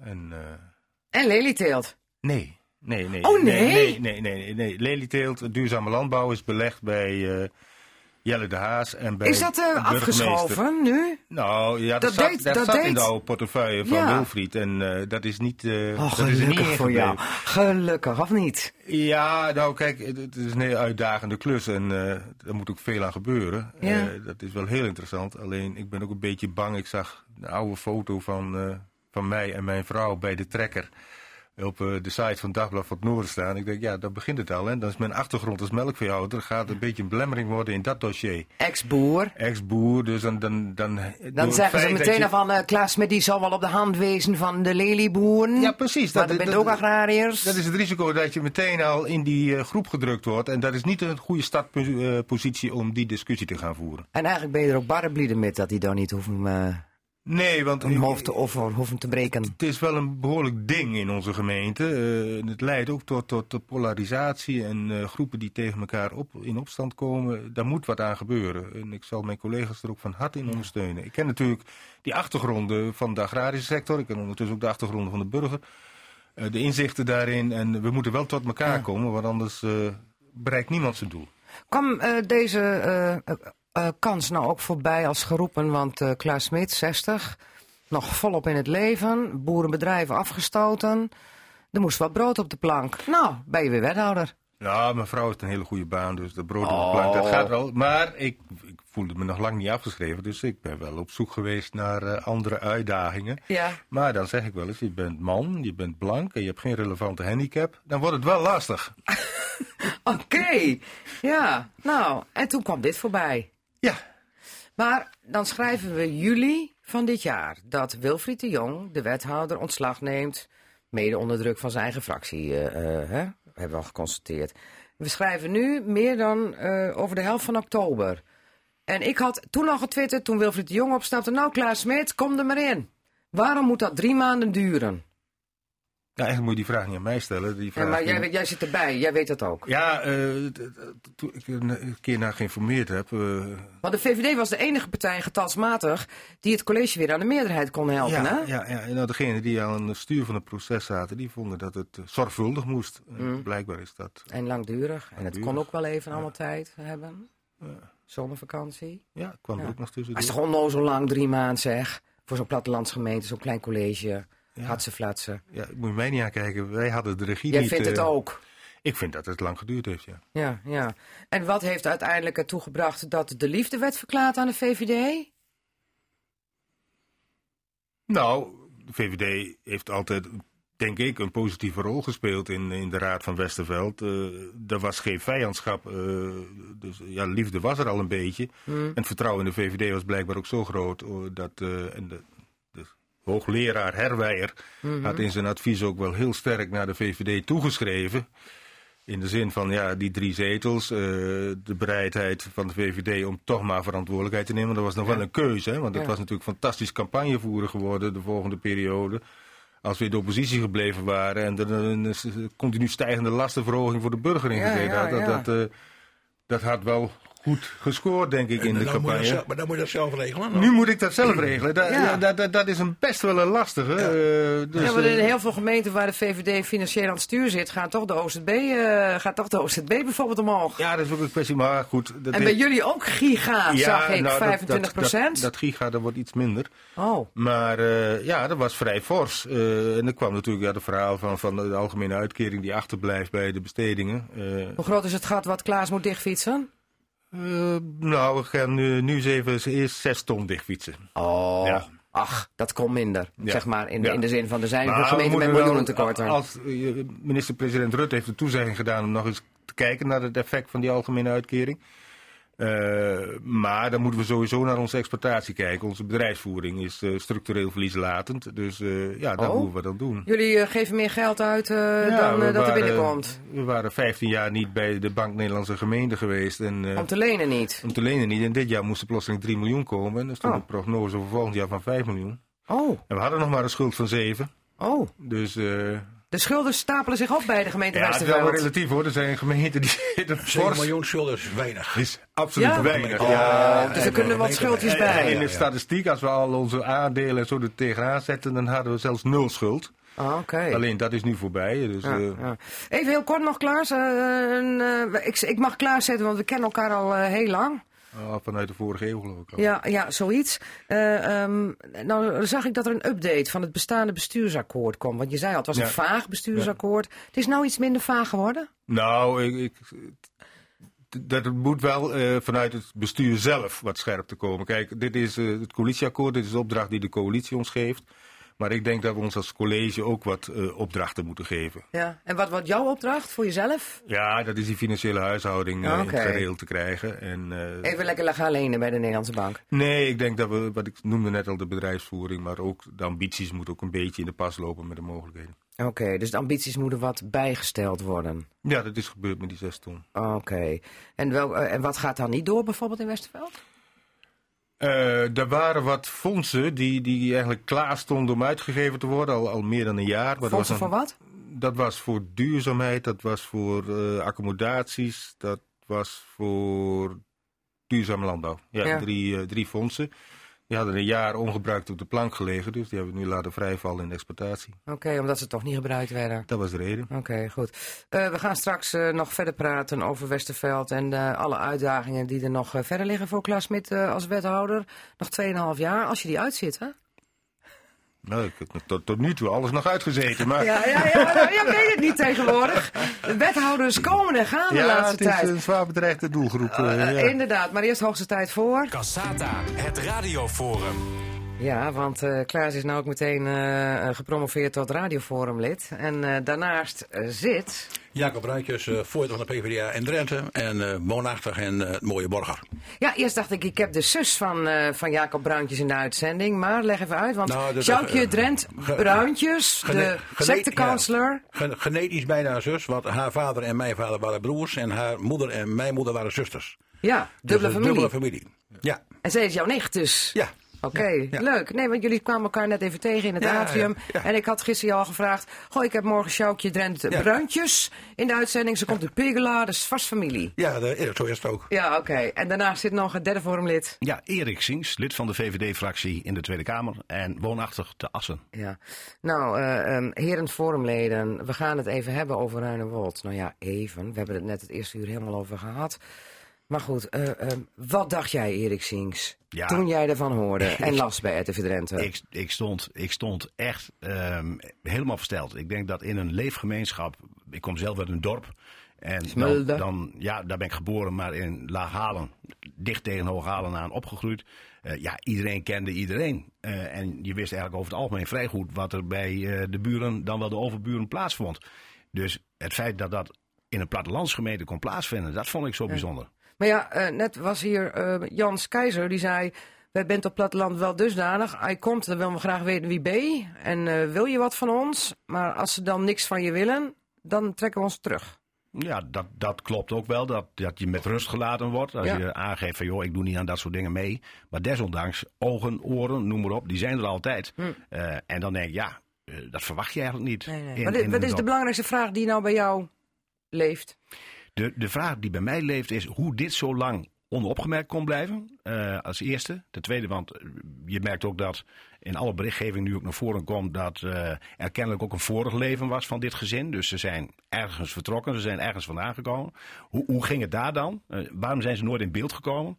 Eh, in wat voor manier dan ook? Niet geregistreerd, alleen die man was geregistreerd. ja, heel bijzonder. Ja. Jacob, Ja, laat ik zeggen, je verstoppen eh, is kennelijk eh, eenvoudiger dan wij wel eens denken met elkaar. Wij denken dat, wij, eh, dat iedereen eh, alles van iedereen weet. En eh, met nu hè, de wet op de privacy, moet allemaal, alle moeten, want dan weten wij alles van een ander. Eh daar hoeft kennelijk niet. Ik, ik heb nog even nagekeken van, ik dacht van, als jij gaat verhuizen, dan, moet je, dan ga je naar een andere gemeente. En moet je dan- uitschrijven. Nee, je schrijf je in die andere gemeente in. ja. En dan word je automatisch in je vorige gemeente uitgeschreven. Ah. Maar je kunt je ook uitschrijven, dat is hier gebeurd. als je ik ga weg, Ja. ik ga uit dit land weg, dan word je dus niet in een andere gemeente ingeschreven. Dus deze mensen hebben zich waarschijnlijk, eh, die vader neem ik aan, heeft Die zich vader heeft zich uitgeschreven. En heeft zijn kinderen ook uitgeschreven. Die kinderen waren niet ingeschreven, Nou, als ze ingeschreven zijn, hoe die is niet Die eens bestonden eigenlijk niet. Nou ja, dat, eh, eh, ik weet niet of ze allemaal niet bestonden, want dat is ook nog niet helder. Ja, die Maar zes waar we ieder het nu over heeft- hebben, hè? hij heeft, dus er, die kinderen waren er niet. eh, en hij is het ook niet meer, want hij is uitgeschreven en je schrijft je uit als je naar het buitenland gaat. Dus niemand wist, in Nederland wist niemand meer waar die mensen waren. Zelfs zijn eigen familie niet, hè? Nee, Want nee, die had, die had hij die, die had hij eh, aangespoord. Of die had hij gewaarschuwd. Je mag ons niet zoeken, want het is in strijd met de privacywet. Dus kennelijk eh, kan zoiets. En, en ja, iedereen zegt dan ja, maar als je dan eh, de politie had dan naar binnen gemoeten. En, maar, ja, maar heb jij daar toch ook niet een beetje een raar gevoel bij? Nou, ik heb er wel een raar gevoel bij, maar... Dat die politie maar- niet naar binnen is gegaan? Nou, draai het andersom. Hè. Zeg van, op een dag staat de politie bij jou voor de deur en zegt van... wil je eens even bij jou binnenkijken, want Ja, we hebben goed. geluiden gehoord... dat het hier niet helemaal pluis is. Ja. Nou, dat is denk ik niet dat elke Nederlander al zegt... nou, welkom, doe de deur open, kom Als je toch niks te verbergen hebt, dan is het toch oké? Nee, nee, maar dat is, eh, dat is ja, dat, dat, dat, dat, denk- dat denk jij. Ja. Zo is het Ja, niet. dat denk ik. Dat Ja. zou ik denken. Klaas, Smit, wat is bij jou eh, het gevoel? Ja, nou, Jans Keizer eh, maakte indruk op me vanuit dat gevoel wat hij uitsprak. Hè, van, eh, Die is emotioneel, hè? emotioneel, ja. Ja, ja, dat, dat ja, heeft hem echt geraakt. eh, met, nou, met betrekking hebben op, de- op het lot van die kinderen. Hij zei net in het atrium, uit de uitzending, buiten de uitzending. Margriet zegt hij, ik heb altijd op donderdagavond biljarten. Maar ik kon het niet, ik Nee. kon niks raken. Ik was helemaal eigenlijk van de leg. En ik, en ik vind ook dat eh, mensen in hun omgeving zich daar iets van moeten aantrekken. Hè? Misschien vanuit het gemeentebestuur of een eh, gemeentehuis. Want het doet wel wat met ze. Ze voelen zich half schuldig. eh, en, eh, Worsteling. Ja, het is, ja, het is een vrij forse emotie. En eh, ik vind dat er aandacht voor moet komen. Voor Ja. mensen uit die omgeving die niet direct betrokken zijn, maar wel een rol gespeeld hebben. Ja. Er ligt hier een taak voor Roger de Groot, die deze week toch niet grossierde in groots optreden. En dat is mijn perceptie hoor, maar ik dacht van kom burgemeester, eh, even wat meer eh, gezag en even wat meer... Die, die was ook helemaal van de leg. Die wist niet wat Nou, dat is een ingre- Nee, we hebben ook niet zo'n draaiboek op gemeentehuis liggen. Nee, van stel dat er een gezin gevonden wordt ergens in een afgesloten ruimte, wat gaan we nu doen? We hebben zelfs niet een draaiboek liggen van, eh goh, er is iemand een jaar geleden overleden en die ligt nog op de bank thuis. Maar dat zou in het plattelandsgemeente ook kunnen Ja. gebeuren. Eh, dus draaiboeken voorzien hier niet in. Nee. Eh, maar ik denk dat Roger de Groot ook gewoon op zijn gevoel nu eh, is, stappen moet zetten naar de mensen die, eh, die hier mee aan nek zijn geraakt. Wat vond je van zijn optreden deze week in diverse media? Dat heb ik niet gezien. Ja, Jacob Bruintjes? Nou, daar heb ik eerlijk gezegd ook niet veel van gezien. Ah. Wat ik wel vind is dat je in dit soort situaties vanuit de gemeente... je hoeft nog niet overal antwoorden op te geven. Je hoeft ook niet alles te regelen. Maar wat je moet doen is dat je mensen de gelegenheid geeft om met elkaar eh, het erover te hebben. Dat hebben ze gedaan, hè? want ze hebben eh, Nou, en een informatieavond gehouden waarbij ze Ja. de gevoelens konden delen. Eh, hij kon ook op heel veel dingen geen antwoord geven. Dat bleek ook wel op de persconferentie dinsdagmiddag om vier uur. Dat hij allerlei vragen kreeg afgevuurd van de, van de toetmedia. Waar hij hakkelend en stotterend uiteindelijk tot de conclusie moest komen dat hij dat toch echt niet op kon. Ze, ze maakten zelfs de boel nog duisterder. Want ineens waren er wel een paar geregistreerd. En dat moesten ze de volgende dag weer rechtzetten. Dat was niemand geregistreerd. Maar je moet gewoon eerlijk zijn denken van eh, wat je nog niet weet, dat weet je niet. En dat is op zo'n avond, ik heb een aantal keer zo'n situatie meegemaakt, ook in de gemeente waar ik wethouder was. Dat, dat eh, eh, mensen en vervolgens eh, ook heel... Vanwege schokkende gebeurtenissen, Ja, hè? en mensen ook heel dankbaar waren dat ze de kans kregen om er met elkaar over te hebben. Bijvoorbeeld bij de moord op Susanne Wisman bedoel Ja, nu, nou ja, er zijn nog een paar van dit soort situaties geweest. En, en dat je dan ziet dat eh, eh, het gewoon bieden van een luisterend oor met veel mensen, aan veel mensen. Ja. En dat organiseren met een kop koffie. Inge- ingewikkelder is het niet. Dat dat heel belangrijk is. En dat je ook dan eerder moet zijn en zeggen: ja, we weten eigenlijk, ja, dat weten wij nog niet. eh, hebben we nog geen beeld van. Dat gaan we uitzoeken. Eh, Dat, u snapt wel, dat duurt even. En als je dat in een goede sfeer met elkaar doet, dan accepteren mensen dat ook. Ja, ja. Maar de pers vaak niet.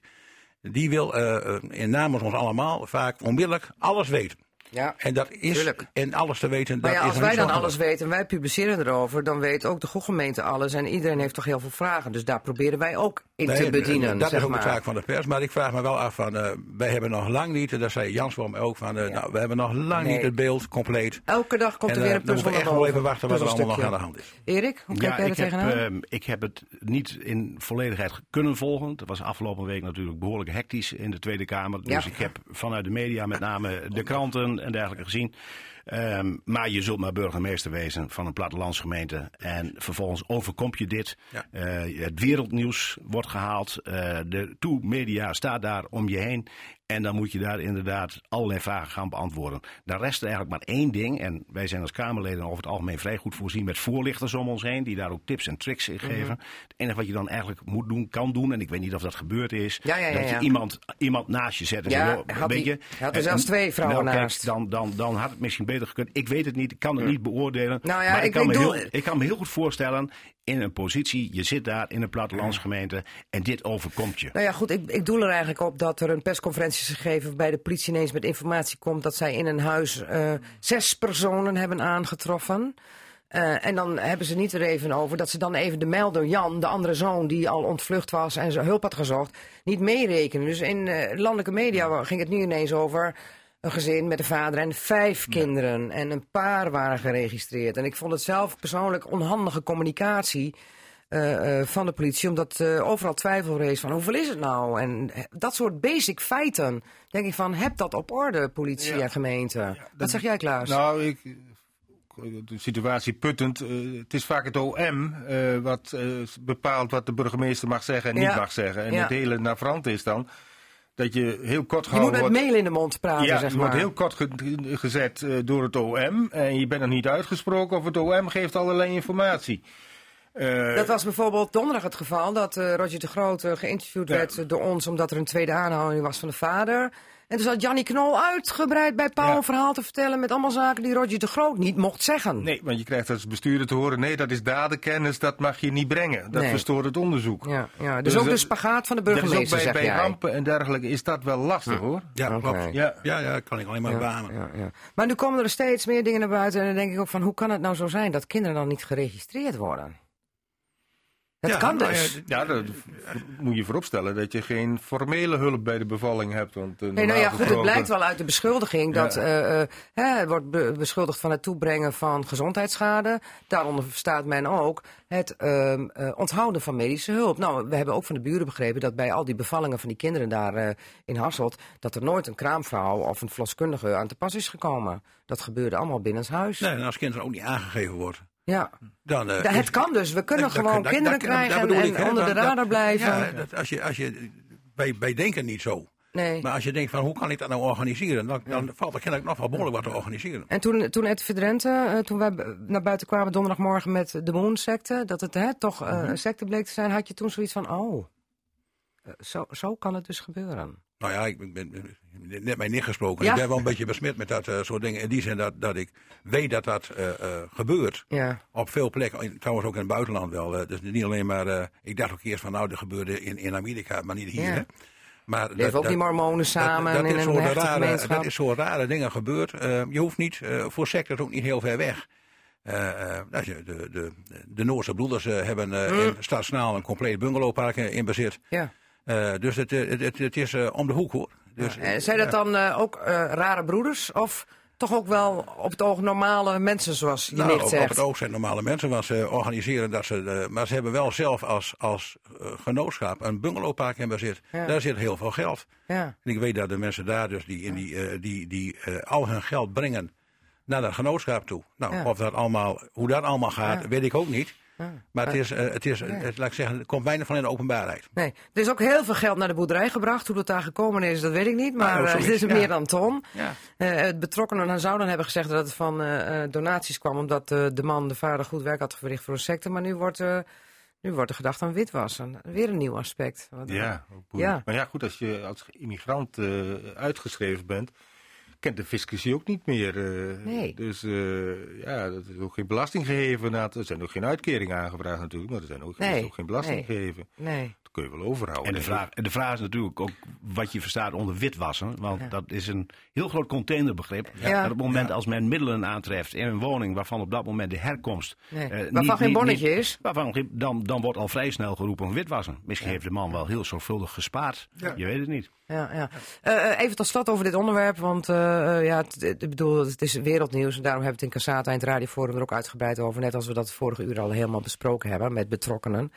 Ehm Ruinewold, blijft dat voor eeuwig op deze manier op de kaart staan, eh, Erik? Want je hoeft straks Ruinewold maar te googlen en het gaat over het eh, boerderijgezin, het spookgezin, het keldergezin, noem maar op.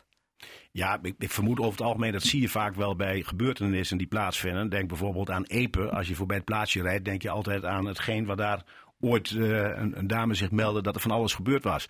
Dus ja, dat is grote incestzaak, hè? Juist, ja. En dat zul je dus ook, ook kunnen meemaken met Ruinewold. Maar over het algemeen ook dit soort dingen vlakken wel weer weg uiteindelijk. Maar goed, Ja. we, we kennen ook nog het geval van de clowns in, eh in, Pekela. eh, in. Dus Ja. ik Ja. bedoel, dat het, dat- op het, Het- moment als dat genoemd wordt nog een keer in een grap of in wat voor vormen dan ook altijd. Ja.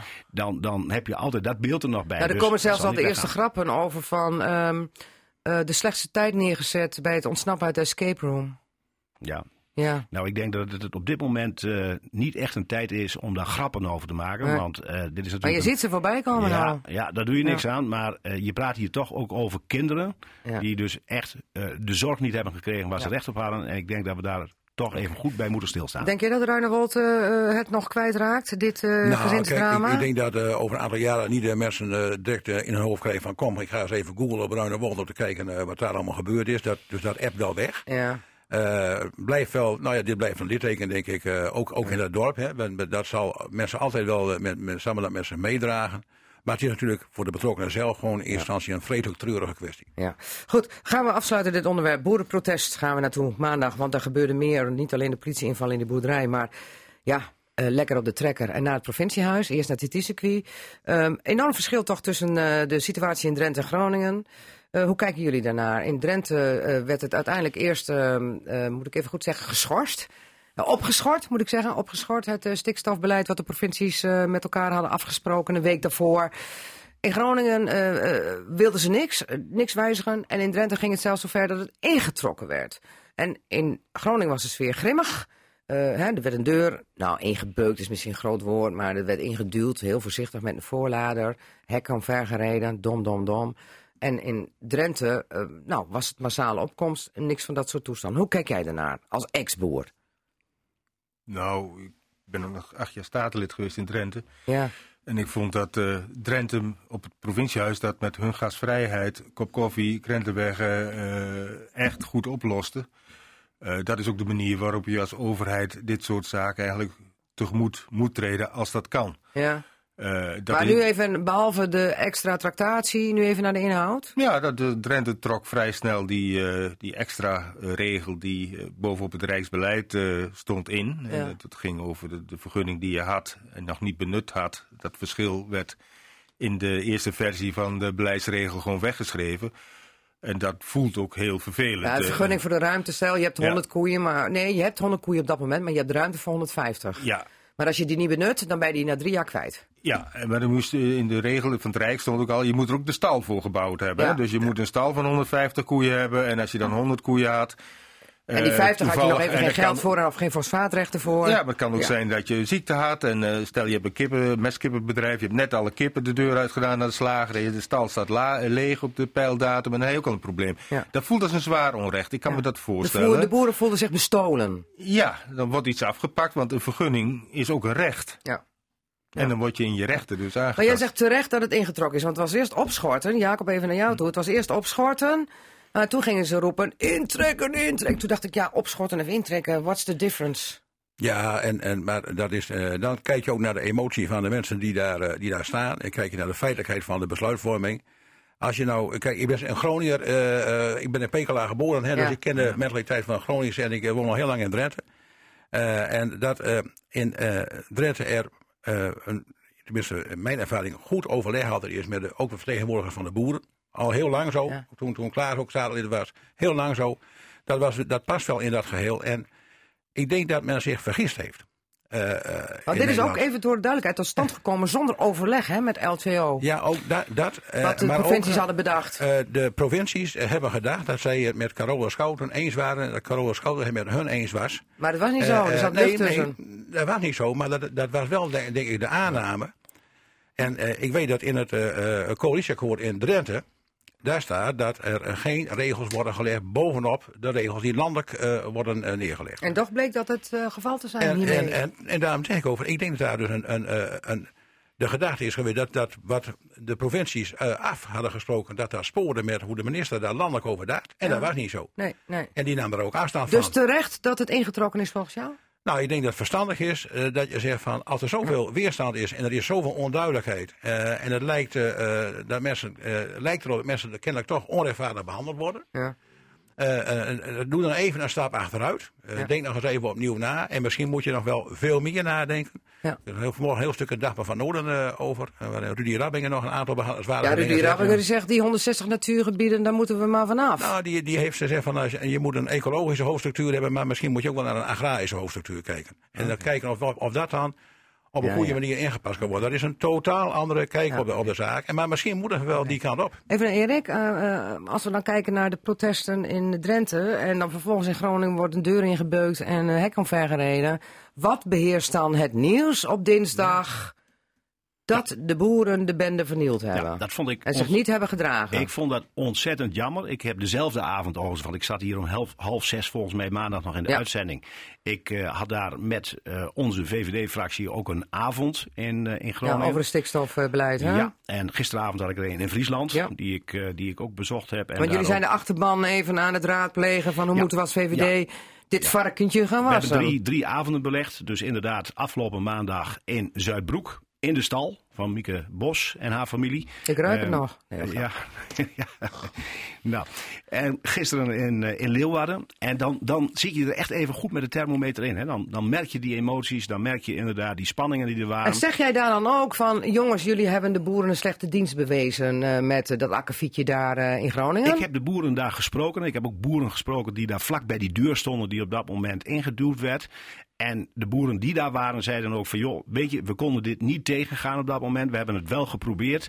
Eh, en we onderschrijven dat ook niet wat daar gebeurd is. Maar, en, en dan komt wat Klaas net ook aangaf, eh, er ontstond wel heel veel frustratie daar, doordat de deur stevig dichtgehouden werd. Er werd niet goed gecommuniceerd. Het is geen excuus, absoluut niet. Dat, dat, dat kun je ook niet aanvoeren op die manier. Groningen had het Maar- net zo moeten doen als maar Drenthe. als ze verstandig waren geweest in Drenthe, ze konden gebruik maken van het toilet. Ze kregen inderdaad een kop koffie Er aangeboden. was een podium opgebouwd en er was Ja, een tafel ze hadden er en ze konden een petitie. En, aangeboden. en als je inderdaad je zo opstelt, en het zijn mensen die allemaal hun werk natuurlijk die dag gewoon verlaten hebben, Ja. daar naartoe zijn gegaan om te protesteren, ja, dan hoeft er maar één of twee tussen te zitten die zich niet kan beheersen. Dan moet je als groep eigenlijk wel zien dat je dat tegengaat. Het is niet gelukt, maar ik merkte wel dat de boeren die ik daar sprak, die zeiden, joh, dit had zo niet gemoeten, we willen dat ook graag oplossen met elkaar. maar dat Ze wil René zelfs Paas wil niet hebben, hè? Dat ze gratis de deur, dat ze zelf het allemaal betalen. Nee, die had al een aannemer ingehuurd. Ja, nou, dat is een beetje. Dat, Is dat een beetje dom? Ik, ik wil het niet. Ja, weet je, als ik daar. Denk ik, pak als die ik handreiking daar- dan aan, Ik had heel, heel simpel gezegd, joh, dat doen ze nu in Den Haag. Gelukkig ook op het Ja. Malieveld. Ze zeggen tegen die boeren, weet je, ga- we gaan met elkaar om tafel zitten. Als jullie dat willen Ja. oplossen, perfect. En volgens mij moet je zo met elkaar omgaan. En niet op de wijze. Een beetje dat je, dat je, dat Drents, je, dat beetje je Drents. Ja, net, netjes oplossen. Ja. Maar vind je niet dat René Paas daar een beetje te veel de hakken in het zand heeft gezet? Omdat hij natuurlijk compleet gefrustreerd was over het feit dat die boeren zich zo hadden gedragen? Ja, maar ook René moet de weg naar deescaleren eh, zien te vinden. En, en dit helpt De niet op die route. ja, eh, ja. Dit, dit, dit, is gewoon eh, niet handig. eh. Oké, goed. Maar Dit het, had nooit mogen gebeuren hoor. Ik Nee. vind ook, en nee, het is ook een groepsproces. En het is, maar het is ook jammer voor het imago, want de boeren hebben, hebben daardoor weer een dreun opgelopen, ja, denk ik dan. Ja, je ziet ook Ja, maar dit, het gebruik van die trekkers is toch iets, eh, eh, daar moet je echt mee uitkijken. Aan beide kanten, hè, zowel vanuit de overheid als vanuit de boeren. Mijn zus eh, werkt in het onderwijs. eh, die zegt, Ja, die zegt 6, van- 6 november eh, staking. ik moet maar eens even een trekker aan. Ja. En dat geluid hoor je Ja, dat steeds wordt nu meer. heel cynisch gezegd, hè? Als En, het mij niet aanstaat, dus- dan moet ik een trekker pakken, dus want dan moet- krijg ik mijn zin. Nou, en dus, dus ik denk van, de boeren hebben volgens mij duidelijk gemaakt hoe ze erin zitten. Volgens mij heeft ook iedereen goed begrepen dat er een probleem is en dat we daar een oplossing moeten werken. En ik hoop dat we nu met elkaar even een poosje de rust bewaren om het dan ook echt te gaan doen. Mannen, even heel kort. Wie is er een fietsliefhebber van jullie? Van wielrennen? Nou jeetje. het blijft angstvallig stil. Waarom hebben we dan in godsnaam het NK wielrennen hier naar wij eh, Drenthe gehaald? Nee, gaan Even over. heel kort, Nee. even een rondje hoor. Want hè, we, eh, we hebben dan het NK wielrennen van Drenthe. Komt volgend jaar. 270.000 euro kost dat. Eh, er zijn geloof ik acht categorieën. Ze zijn er van, van eh, 19 tot en met 21 juni. Op de Vanbult en eromheen. Maar we wilden het WK. Ging niet door. We wilden het EK. Ging niet door. En dan krijgen we een slap aftreksel als het NK. Maar het kan jullie niet bekoren, zie ik wel. Nou, dat is niet helemaal waar. Erik dat is niet helemaal waar. Ik Oh. denk, ik denk dat je ergens moet beginnen. En ik, ik kom ook jaarlijks op de, de wielerspektakels hier. eh, zowel in Drenthe, hè, de Gouden Pijl. eh, als dat ik eh, naar Joop Atsma zijn uh, wielerspektakel In Surrijsterveen ga. in zijn achtertuin. En daar kom ik met altijd heel veel plezier. Eh, en ik zie ook wat voor impact dat heeft op de omgeving. Dus je hoeft niet per se een super liefhebber te zijn van wielrennen om toch te genieten van het feestje eromheen. Bedrijven hebben er wat aan. In de omgeving worden hotels geboekt. Kortom, het is een festijn. Dat moeten we gewoon omarmen. Niet negatief gaan benaderen. Top dat het hier naartoe gehaald is. Dus we moeten zeggen, joepie, we hebben het NK. Ja, Nou, laten, we, ja, laten, we, laten we nou eens gewoon eens een keer eh, laten we nou eens een feestje ook vieren in plaats van dat we direct weer van het negatieve uitgaan. Oké, Ik zie nou, niemand van jullie die riep van eh, wie is Nou, liefhebber van Nou, ja, ja, wielrennen? jaren, jaren geleden Ja, speelde Messi nog eens een keer in een stadion van de FC Emmen. Ja, ooit. Lang Eh, en geleden. wordt nog, ja, Emma speelt inmiddels Eredivisie. over Dus, dus je ziet, eh, dat geeft ook stimulans om verder te komen. Dus dat zal met NK uh, wielrennen ook zo gaan. Oké, en wat zeg jij dan, Klaas? Nou, we hebben altijd als gemeente van harte de Ronde van Drenthe gesteund van, met Femi van Ism. En Ja. ja. ja, dat was echt een internationaal gebeuren. En ja, daar kregen we schouderklopjes van hoteleigenaren. En Ah, die and Breakfast zeiden, dat heb je goed gedaan. We hebben een lekker omzet gehad en eh, er staat een mooie kop op de marge. Ja, en de naambekendheid, daar doe je het ook voor natuurlijk. Oké, eh, dus laat het NK maar tot ons komen. Ja, als het andere niet te krijgen is, moet je maar met dit tevreden zijn. Oké, het is ook nog wat goedkoper, hè? ook dan het WK en het EK. Dus dat scheelt ook nog weer een paar centen. Hè? ook. Goed, Drenthe. Eh, ik ga jullie bedanken, heren forumleden Erik Sinks, Jacob Bruintjes en eh, Klaas Smit. Maar Klaas moet nog even nablijven. Altijd in de buurt. Cassata. Radio. We gaan in Cassata verder praten met de tafelgast. Maar eerst even met de nieuwe gast, eh, Jan Bloemert. Willen jullie in Drenthe, jongens, allebei? Nou? Nou, ik, ik denk dat uh, Klaas nou begon te hakkelen. Maar ik, eh, ik, wil, Nee, ik wil geen in Drents. uh, ja, ja, dan doen we dat. Je Dan zegt doen we maar. dat. Ik ben vandaag helemaal in de. Drentse stemming, want eh, Jans Keizer die was hier uit Runewold en die wil ook graag Drents. Dus we doen gewoon Drents, want we zijn Drenten onder elkaar. Ik vind het prima. Want Jan Bloemers die zit hier, want die heeft eh, net als wij allemaal een hectische week achter de rug. Wij waren bezig met Runewold. En Jan was eh, bezig met, eh met boerenprotest. Maar Jan, ik zei het verkeerd, want die waren ook bezig met Runewold, want die ben met een Runewoldse trouwd. Ja, dat klopt. Ja. En ik ben nog wies met ook. Oh. En, en die Runewoldse, eh waar, met die, eh, waarmee je eh, trouwd bent, eh, wie is dat? Dat is eh, Sandra. Sandra Mulder. Ja, en eh, wat zegt zij wat er op Runewold eh, gebeurd is? Wat dacht zij? Hebben jullie Eh, vast dus wel over. Ja, nee, weet je, het, het- de, je weet, iedereen die dreigt een appjes met, nou ja, dan zie je ook zo'n familie-app. Ja. Ja. die, die uit zijn voet. Het is natuurlijk ook hier Frans. Eh, maar goed, dat, eh, volgens mij maakt het weinig uit uit mijn dorp zelf woont of niet. Nee, het, is, ja. het is heel dichtbij en, eh, en zo ervaar je dat ook wel. Het is, eh, het is eh, niet te bevatten. Nee. Nou, eh waar die was van de week hartstikke druk eh, met een hectische week met boerenprotesten. En dat begon maandag. Even heel kort, want dan gaan we nog in met Klaas praten. Ehm, wat voor weken was het nou voor u met al dat boerenprotest? Ja, heel bijzonder natuurlijk. We hebben, eh, we hebben toch eh, met z'n allen wel wat. eh eh, we hebben ervaren hoe, en wezen hoe het helemaal in de klauwen liep. Waar het ging om eh, de aansturing, eh, de, de, de provinciale brief versus de ministeriële brief.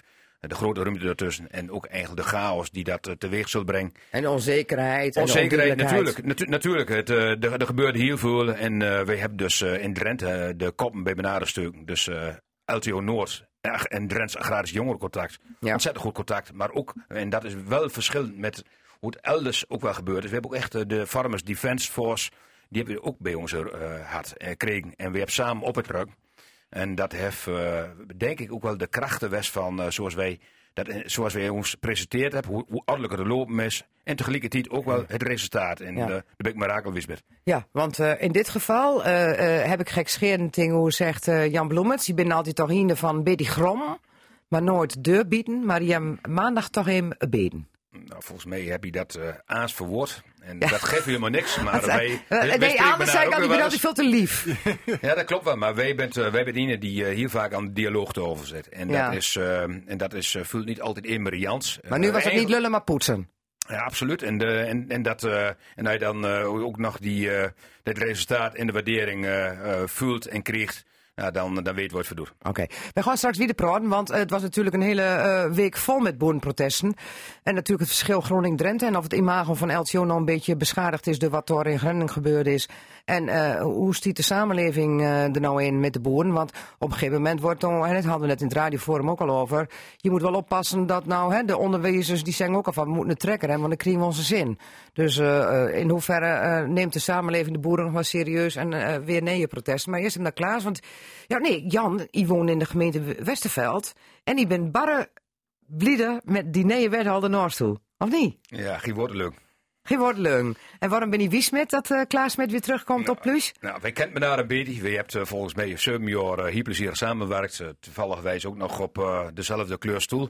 Eh, alleen nog Klaas, die zat aan de andere kant. We hadden nog wel eens contact. Maar dat- nou ben je een beetje cryptisch. Nee, hoor, nee, hoor, we zaten- ik, ik, ik heb, eh, ik heb totdat ik eh, zeg maar regelbestuur bij LTO Noord werd, toen ook op, eigenlijk op de dag af, toen heb ik gezegd van nou, ik, ik, heb, ik zat in de gemeenteraad voor de VVD in Westerveld. Ah, jullie jullie bent clubgenoten. we waren, we ja. clubgenoten, en- maar tegelijkertijd waren wij wel, en dat is nou, eh, ik probeer nou niet meer meel in de mond, eh, Margriet.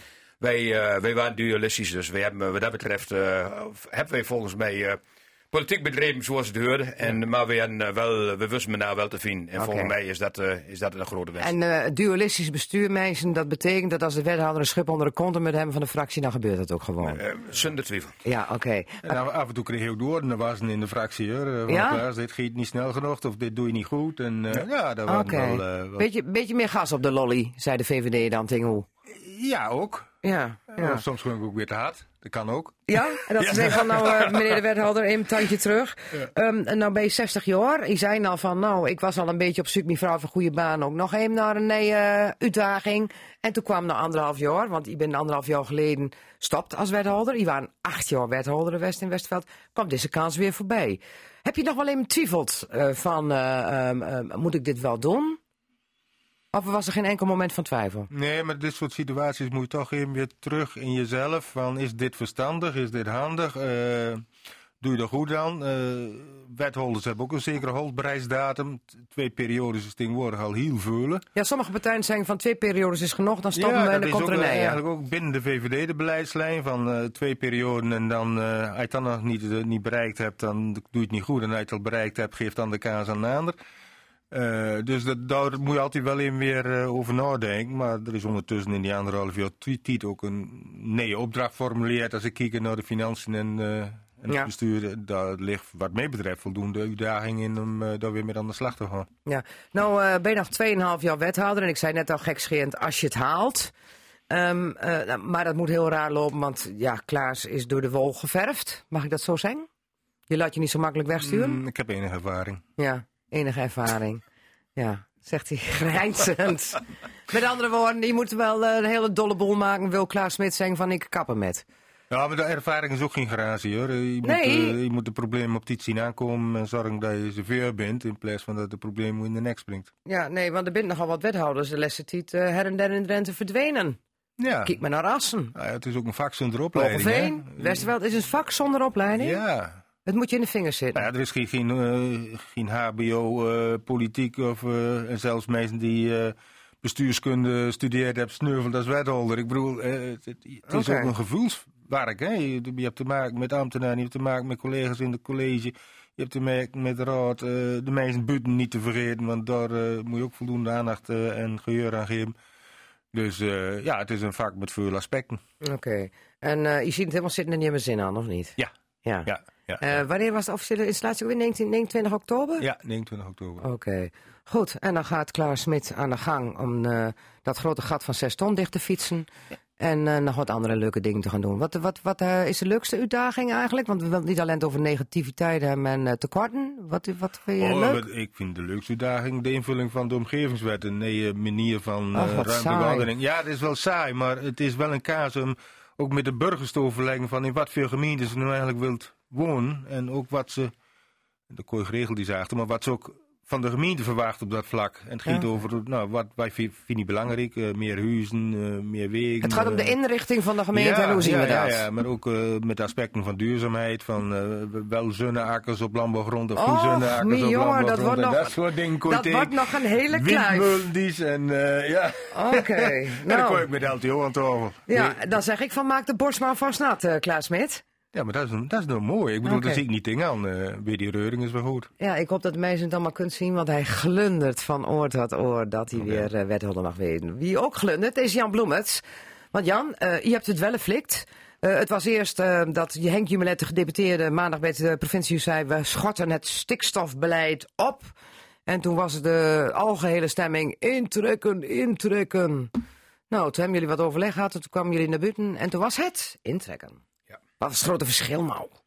Nou, dat is. eh, Emotie. Er er bent nog steeds, eh, ook al je het interview vandaag van eh, Henk Staghouwer gehoord hebt, Gronings gedeputeerde, die, die heeft ook diezelfde worsteling met die woorden. Nou, de- het, maakt, het maakt best een groot verschil. Ja? Ja, zeker. Jazeker. Nou, maar het echte, want de handtekening was al zet, Margriet. Ja, De ja. handtekening van datgene wat, er, wat, wat op papier stond, die was er zet. Dus nou moet het ook echt terug naar de tekentafel. Wij zegt ook met Jan, nou, er, er- er ligt zo'n groot, groot probleem voor. En we weten ook, wanneer we naar onze eigen sector kijken, dat kan helemaal niet eh extensialiseerd worden. Want het area-systeem, het berekenmodel, Oh, oh, zeg maar. Niet al die, ik ben bij hem Nee. uitleggen geweest vorige week woensdag. Ja. En, en eh, eh, gewoon niet over intern en extern sorteren. Ja, snap ik. Ja. Maar mensen die niks met boen te maken Ja. hebben, met stront en ammoniak en stikstof, die weten er niks van. Het giet er eigenlijk om dat de provincie een extra regeltje de boom oplegt en daardoor de vonden buren, boeren zich bestullen, zeg maar. Er werd wat afgepakt wat van hun was. Hè, ruimte om eh, te kunnen boeren. Ja. Hè, 50 koeien erbij nemen. Maar dat kon dan niet meer. Door zat hem de kneep.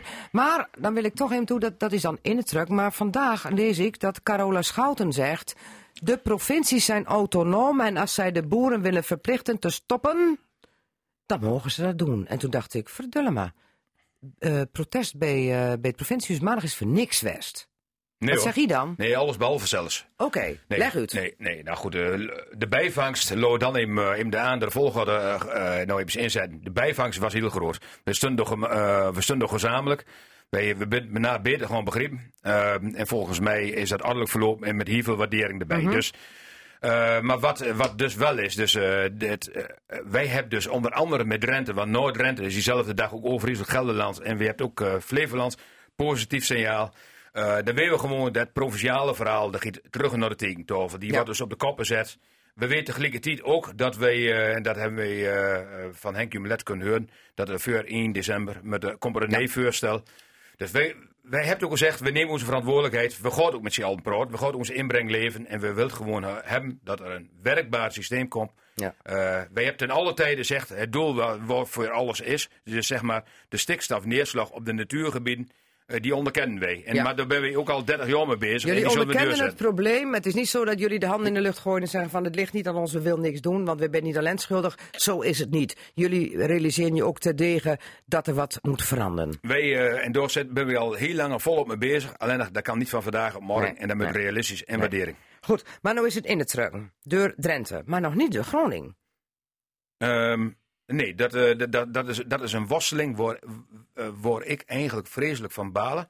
Maar dat, dat gebeurt door wel. Eh, nou ja, goed, dat is natuurlijk aan Groningen. Tegelijkertijd heeft het ook Maar iets... het risico is aanwezig als ik dan Carola Smit hoor. Dat de prof, dat, Schouten, Carola Smit is een wel- zangeres. Ja. Jeetje, Mina, die komt uit Volendam. Eh, vermoeiende weken West, klaar, sorry. Schouten van de ChristenUnie. Die zegt van, het kan zo wezen dat in Groningen het anders wordt dan in Drenthe. Nou, ik geloof dat eh Carola Schout nu een partijgenoot in flink bij de orde moet pakken. Want eh, dit, is, eh, dit is onwerkbaar wat nou, wat nou gebeurt. Mijn mijn Groningse collega's kende, is hier het laatste woord ook nog niet over gezegd. Tegelijkertijd... Nee, hetzelfde geld bestormen ze weer het provinciehuis. Oh. Zeg ik dan. Dat is ook een. Ja, ja. Want ik zeg van, dat is ondenkbaar dat we dan straks in Noorden bijvoorbeeld een situatie hebben dat het in de ene provincie dit is en de andere provincie dat. Dat, dat is het laatste waar we met willen. En, ik heb, en tegelijkertijd heeft eh, Carola Schouten ook gezegd van eh, de brief van de, eh, van de ministerie, die is leidend. Oké. En dat, dat vind ik toch wel, Ja, wel maar- meer maar- dan een signaal. Maar ze heeft gisteren gezegd als vervanger van de president bij Mhm. het vragenuurtje, of hoe heet dat dan? Het praatje van de minister-president, heeft zij gezegd letterlijk van ehm, ehm, ik heb natuurlijk wel een wil en een wens, maar de provincie is autonoom. Dus als het anders wordt, als een provincie meer regels wil, dan kan dat. En toen Nou, dacht ik, dan komen van poepen in bedden, pissen in De bedden. provincie is niet autonoom. De provincie is waar het gaat om de uitvoering van de wet natuurbescherming, eh, Ja. is, is die leidend. Ja, oké. Nou goed, ik, eh, ik zal dat maar eens goed in de gaten houden. Maar wat nu? Want nou heb je eh, protest gehad maandag. Eh, nog woensdag weer een boerenprotest. Eh donderdag aan het Kamerdebat. Nou, daar ben je nog niet veel wiezen van geworden, heb ik begrepen, over het stikstofbeleid. Nee, nee, de stukje profilering eh zag je met name. En eh, de, de, de oplossingen, die heb ik nog niet gehoord. Nee. Maar ehm, eh, als je nou terugkijkt, hoe is het met de imago van de boer? Want nou, het protest maandag, Drenthe ging prima, Groningen ging het Ja. wat mis. Eh, toen was toch een beetje de setting negatief tegen de boeren. Heel wat collega's van hoe die hebt eh, deze dagen dat eh, zeg maar ook proberen abstract te krijgen. Van, van hoe, hoe is het met imago? En het vreemd genoeg is dat het aan het begin van de weken leek het in te kakken. Met heel die, Door die- het gedoe in Groningen. Ja, door, door, door Groningen. Tegelijkertijd ook wel, hoe je me ook vaak genoeg zegt van het is slecht voor die imago. Dan, dan, dan gaat het ook tussen de oren draken. Ja. Nou, Maar die- jij baalde er wel van. Oh ja, vreselijk. Ik baalde er vreselijk van. En tegelijkertijd wist ik ook niet wat die trekkers die bij jongens weg, eh weggingen van, eh, vanaf provinciehuis, wat die gingen doen natuurlijk. Want ook het Drenthe was, eh, laat het wel weten, we hebben een geweldig resultaat. Maar de spanning was dermate groot. De boosheid die was echt voel, voelbaar. Dus ik ben niet mirakel wie dat zo afgelopen is. Eh, en dan ben ik ook wel degene die zegt van... Onderken het, dat imago, die kan ook ineens finaal inbeslaan. Ja, want wij ook bang voor wat er woensdag zal gebeuren. Hè, met eh, eh, toch eh, de actie van Farmers Defence Force. Naar zeggen- Beeldhoven en Ja. dan naar Den Haag. Ja. En die jakken dan door met een noodgang door de winkelstraat en. Door een barricade en van de politie en het leger. dacht ik, nou, Ja, nee, de grote lijn vind ik dat het dat Marakel goed gewoon is. Farmers Defense, die, het, is een, het, is, het is een wezen nee. Het is het, Facebook on, ontspeut in wezen. Maar het, zij hebt meer dan vertreffelijk met de verantwoordelijkheid omgegaan. Die waardering komt aan toe. Eh tegelijkertijd eh bent er altijd wel... eh bent er wel eh, wat jongens bij die denken van... Hé, hey, Dorsing gaat hij in een barricade lopen, dus hebben ze de rem. Ehm, al Mm. met had al, niet- met al ben ik mirakel wist dat er niet meer ongelukken bent gebeurd dan die we tot dusver gezien hebben. En, En, en als je dan de week terugblikt, van, dan denk je van dit hebben we gehad.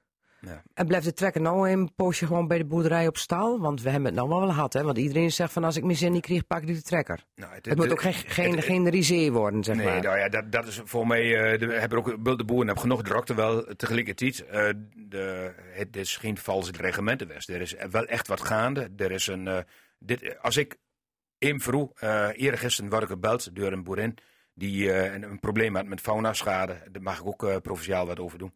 En kwam ik met de praat. En eh, nou ja, even teruggeblikt op maandag, maar ook Heur Zeunen. Ze hebben een mooi bedrijf, woont achter Hogevinden. Mooi bedrijf, maar Heur Zeunen, die kassen voor om naar Nieuw-Zeeland te gaan. Die zetten het niet meer zitten. Met de hoogopgeleide jongens, met de jongens die bent generatielang eh wordt het van vader op zoon of van vader op dochter wordt bedrijf overdaan. En je zie je gewoon dat eh, die, die hebt er geen zin meer in. En dat vind ik, dat, dat geeft mij, geeft mij echt enorm eh tegenstaan. Daar baal ik vreselijk van. En dat is voor mij een drijfveer om, om te onderkennen van zoals het nou giet, kan het niet langer. Dus er moet wat gebeuren en menigeen heeft het nou voor ogen. En, en nou, nou teruggekomen op de vragen. Ik denk dat de lessen trekken nog niet eh is het verdwenen is. Oké. Maar ja, goed. Eh, eh, het is nog een wiet weg, hè, nog 1 december, want dan moet er iets liggen. Klopt. Ja. En, en als dan 1 december eh, uiteindelijk weer wat op tafel komt wat niet deugt, dan giet de trekker weer van stal. Nee, eh, wij hebben voor onszelf. Wij, wij gaan ons inbreng leven om eh, proberen. ja, maar dat is ook wel succes, hè, want jullie hadden niet eens met te praten, jullie gewoon nou met praten. Ja, dat klopt. En dat is meer dan een Pyrrhus-overwinning, denk ik. Tegelijkertijd eh, wil niet zeggen dat er een... Wij werken toe naar een akkoord, naar een resultaat. Maar wel nadrukkelijk dat we, we willen onze wensen wel teruggezien komen. Omdat we ook weten, door is het doel bij gebaat. Het, het, het boeren moet wel mogelijk blijven. Absoluut. kort op neer. Absoluut. Dat is, eh, dat is volgens mij met uitroepteken. eh. Oké. Ja. Ben je een beetje blij dat de weken voorbij is? Dat het weekend is? Maar die waren volgens mij ook flink aan de latten, of niet? Ja. Ja. Ja. Ja. Ik, was, ik, was, ik was mooi, maar dat geeft helemaal niks. Maar dat heeft, dat heeft ook met spanning te maken. Maar ook met name ook eh, los van het, het, het denken en het uh, aanwezig zijn. Maar ook de, het voelde wel als een verantwoordelijkheid dat het ordelijk verliep. En eh, eigenlijk was dat toen, eh, toen de trekkers door eh, bij TT Hal het eh, terrein oprollen. eh, dat, dat, dat geluksmoment zal ik nooit weer vergeten. En met name ook hoe, hoe we door met z'n allen staan hebben. En hoe wij dus eh, door met omgegaan bent. Dus die, eh, die vermoeidheid die heb ik geen over. Oké. Het geluksmoment overheerst bij Jan Bloemert. En eh, vooral omdat het ook gelukt is dat het eh, in het truck is. We gaan afwachten eh, eh, hoe het stikstofdossier eh, afloopt. Want dat is nog langer niet eh, voorbij. Ik ga jullie bedanken, mannen. Eh Klaas Smit, succes als wethouder in Westerveld. En Jan Bloemert, dit was Casata. Altijd in de buurt. Radio Drenthe. Je luisterde naar Casata. Dat is te beluisteren als radioprogramma op zaterdagmiddag, maar sinds kort ook als podcast. Net als het radioprogramma Drenthe Toen. Vond je dit nou interessant? Geef ons dan 5 sterren en laat je beoordeling achter. En vertel het natuurlijk aan vrienden, familie en collega's. Want daarmee help je ons zodat we nog meer luisteraars kunnen bereiken. Tot volgende week.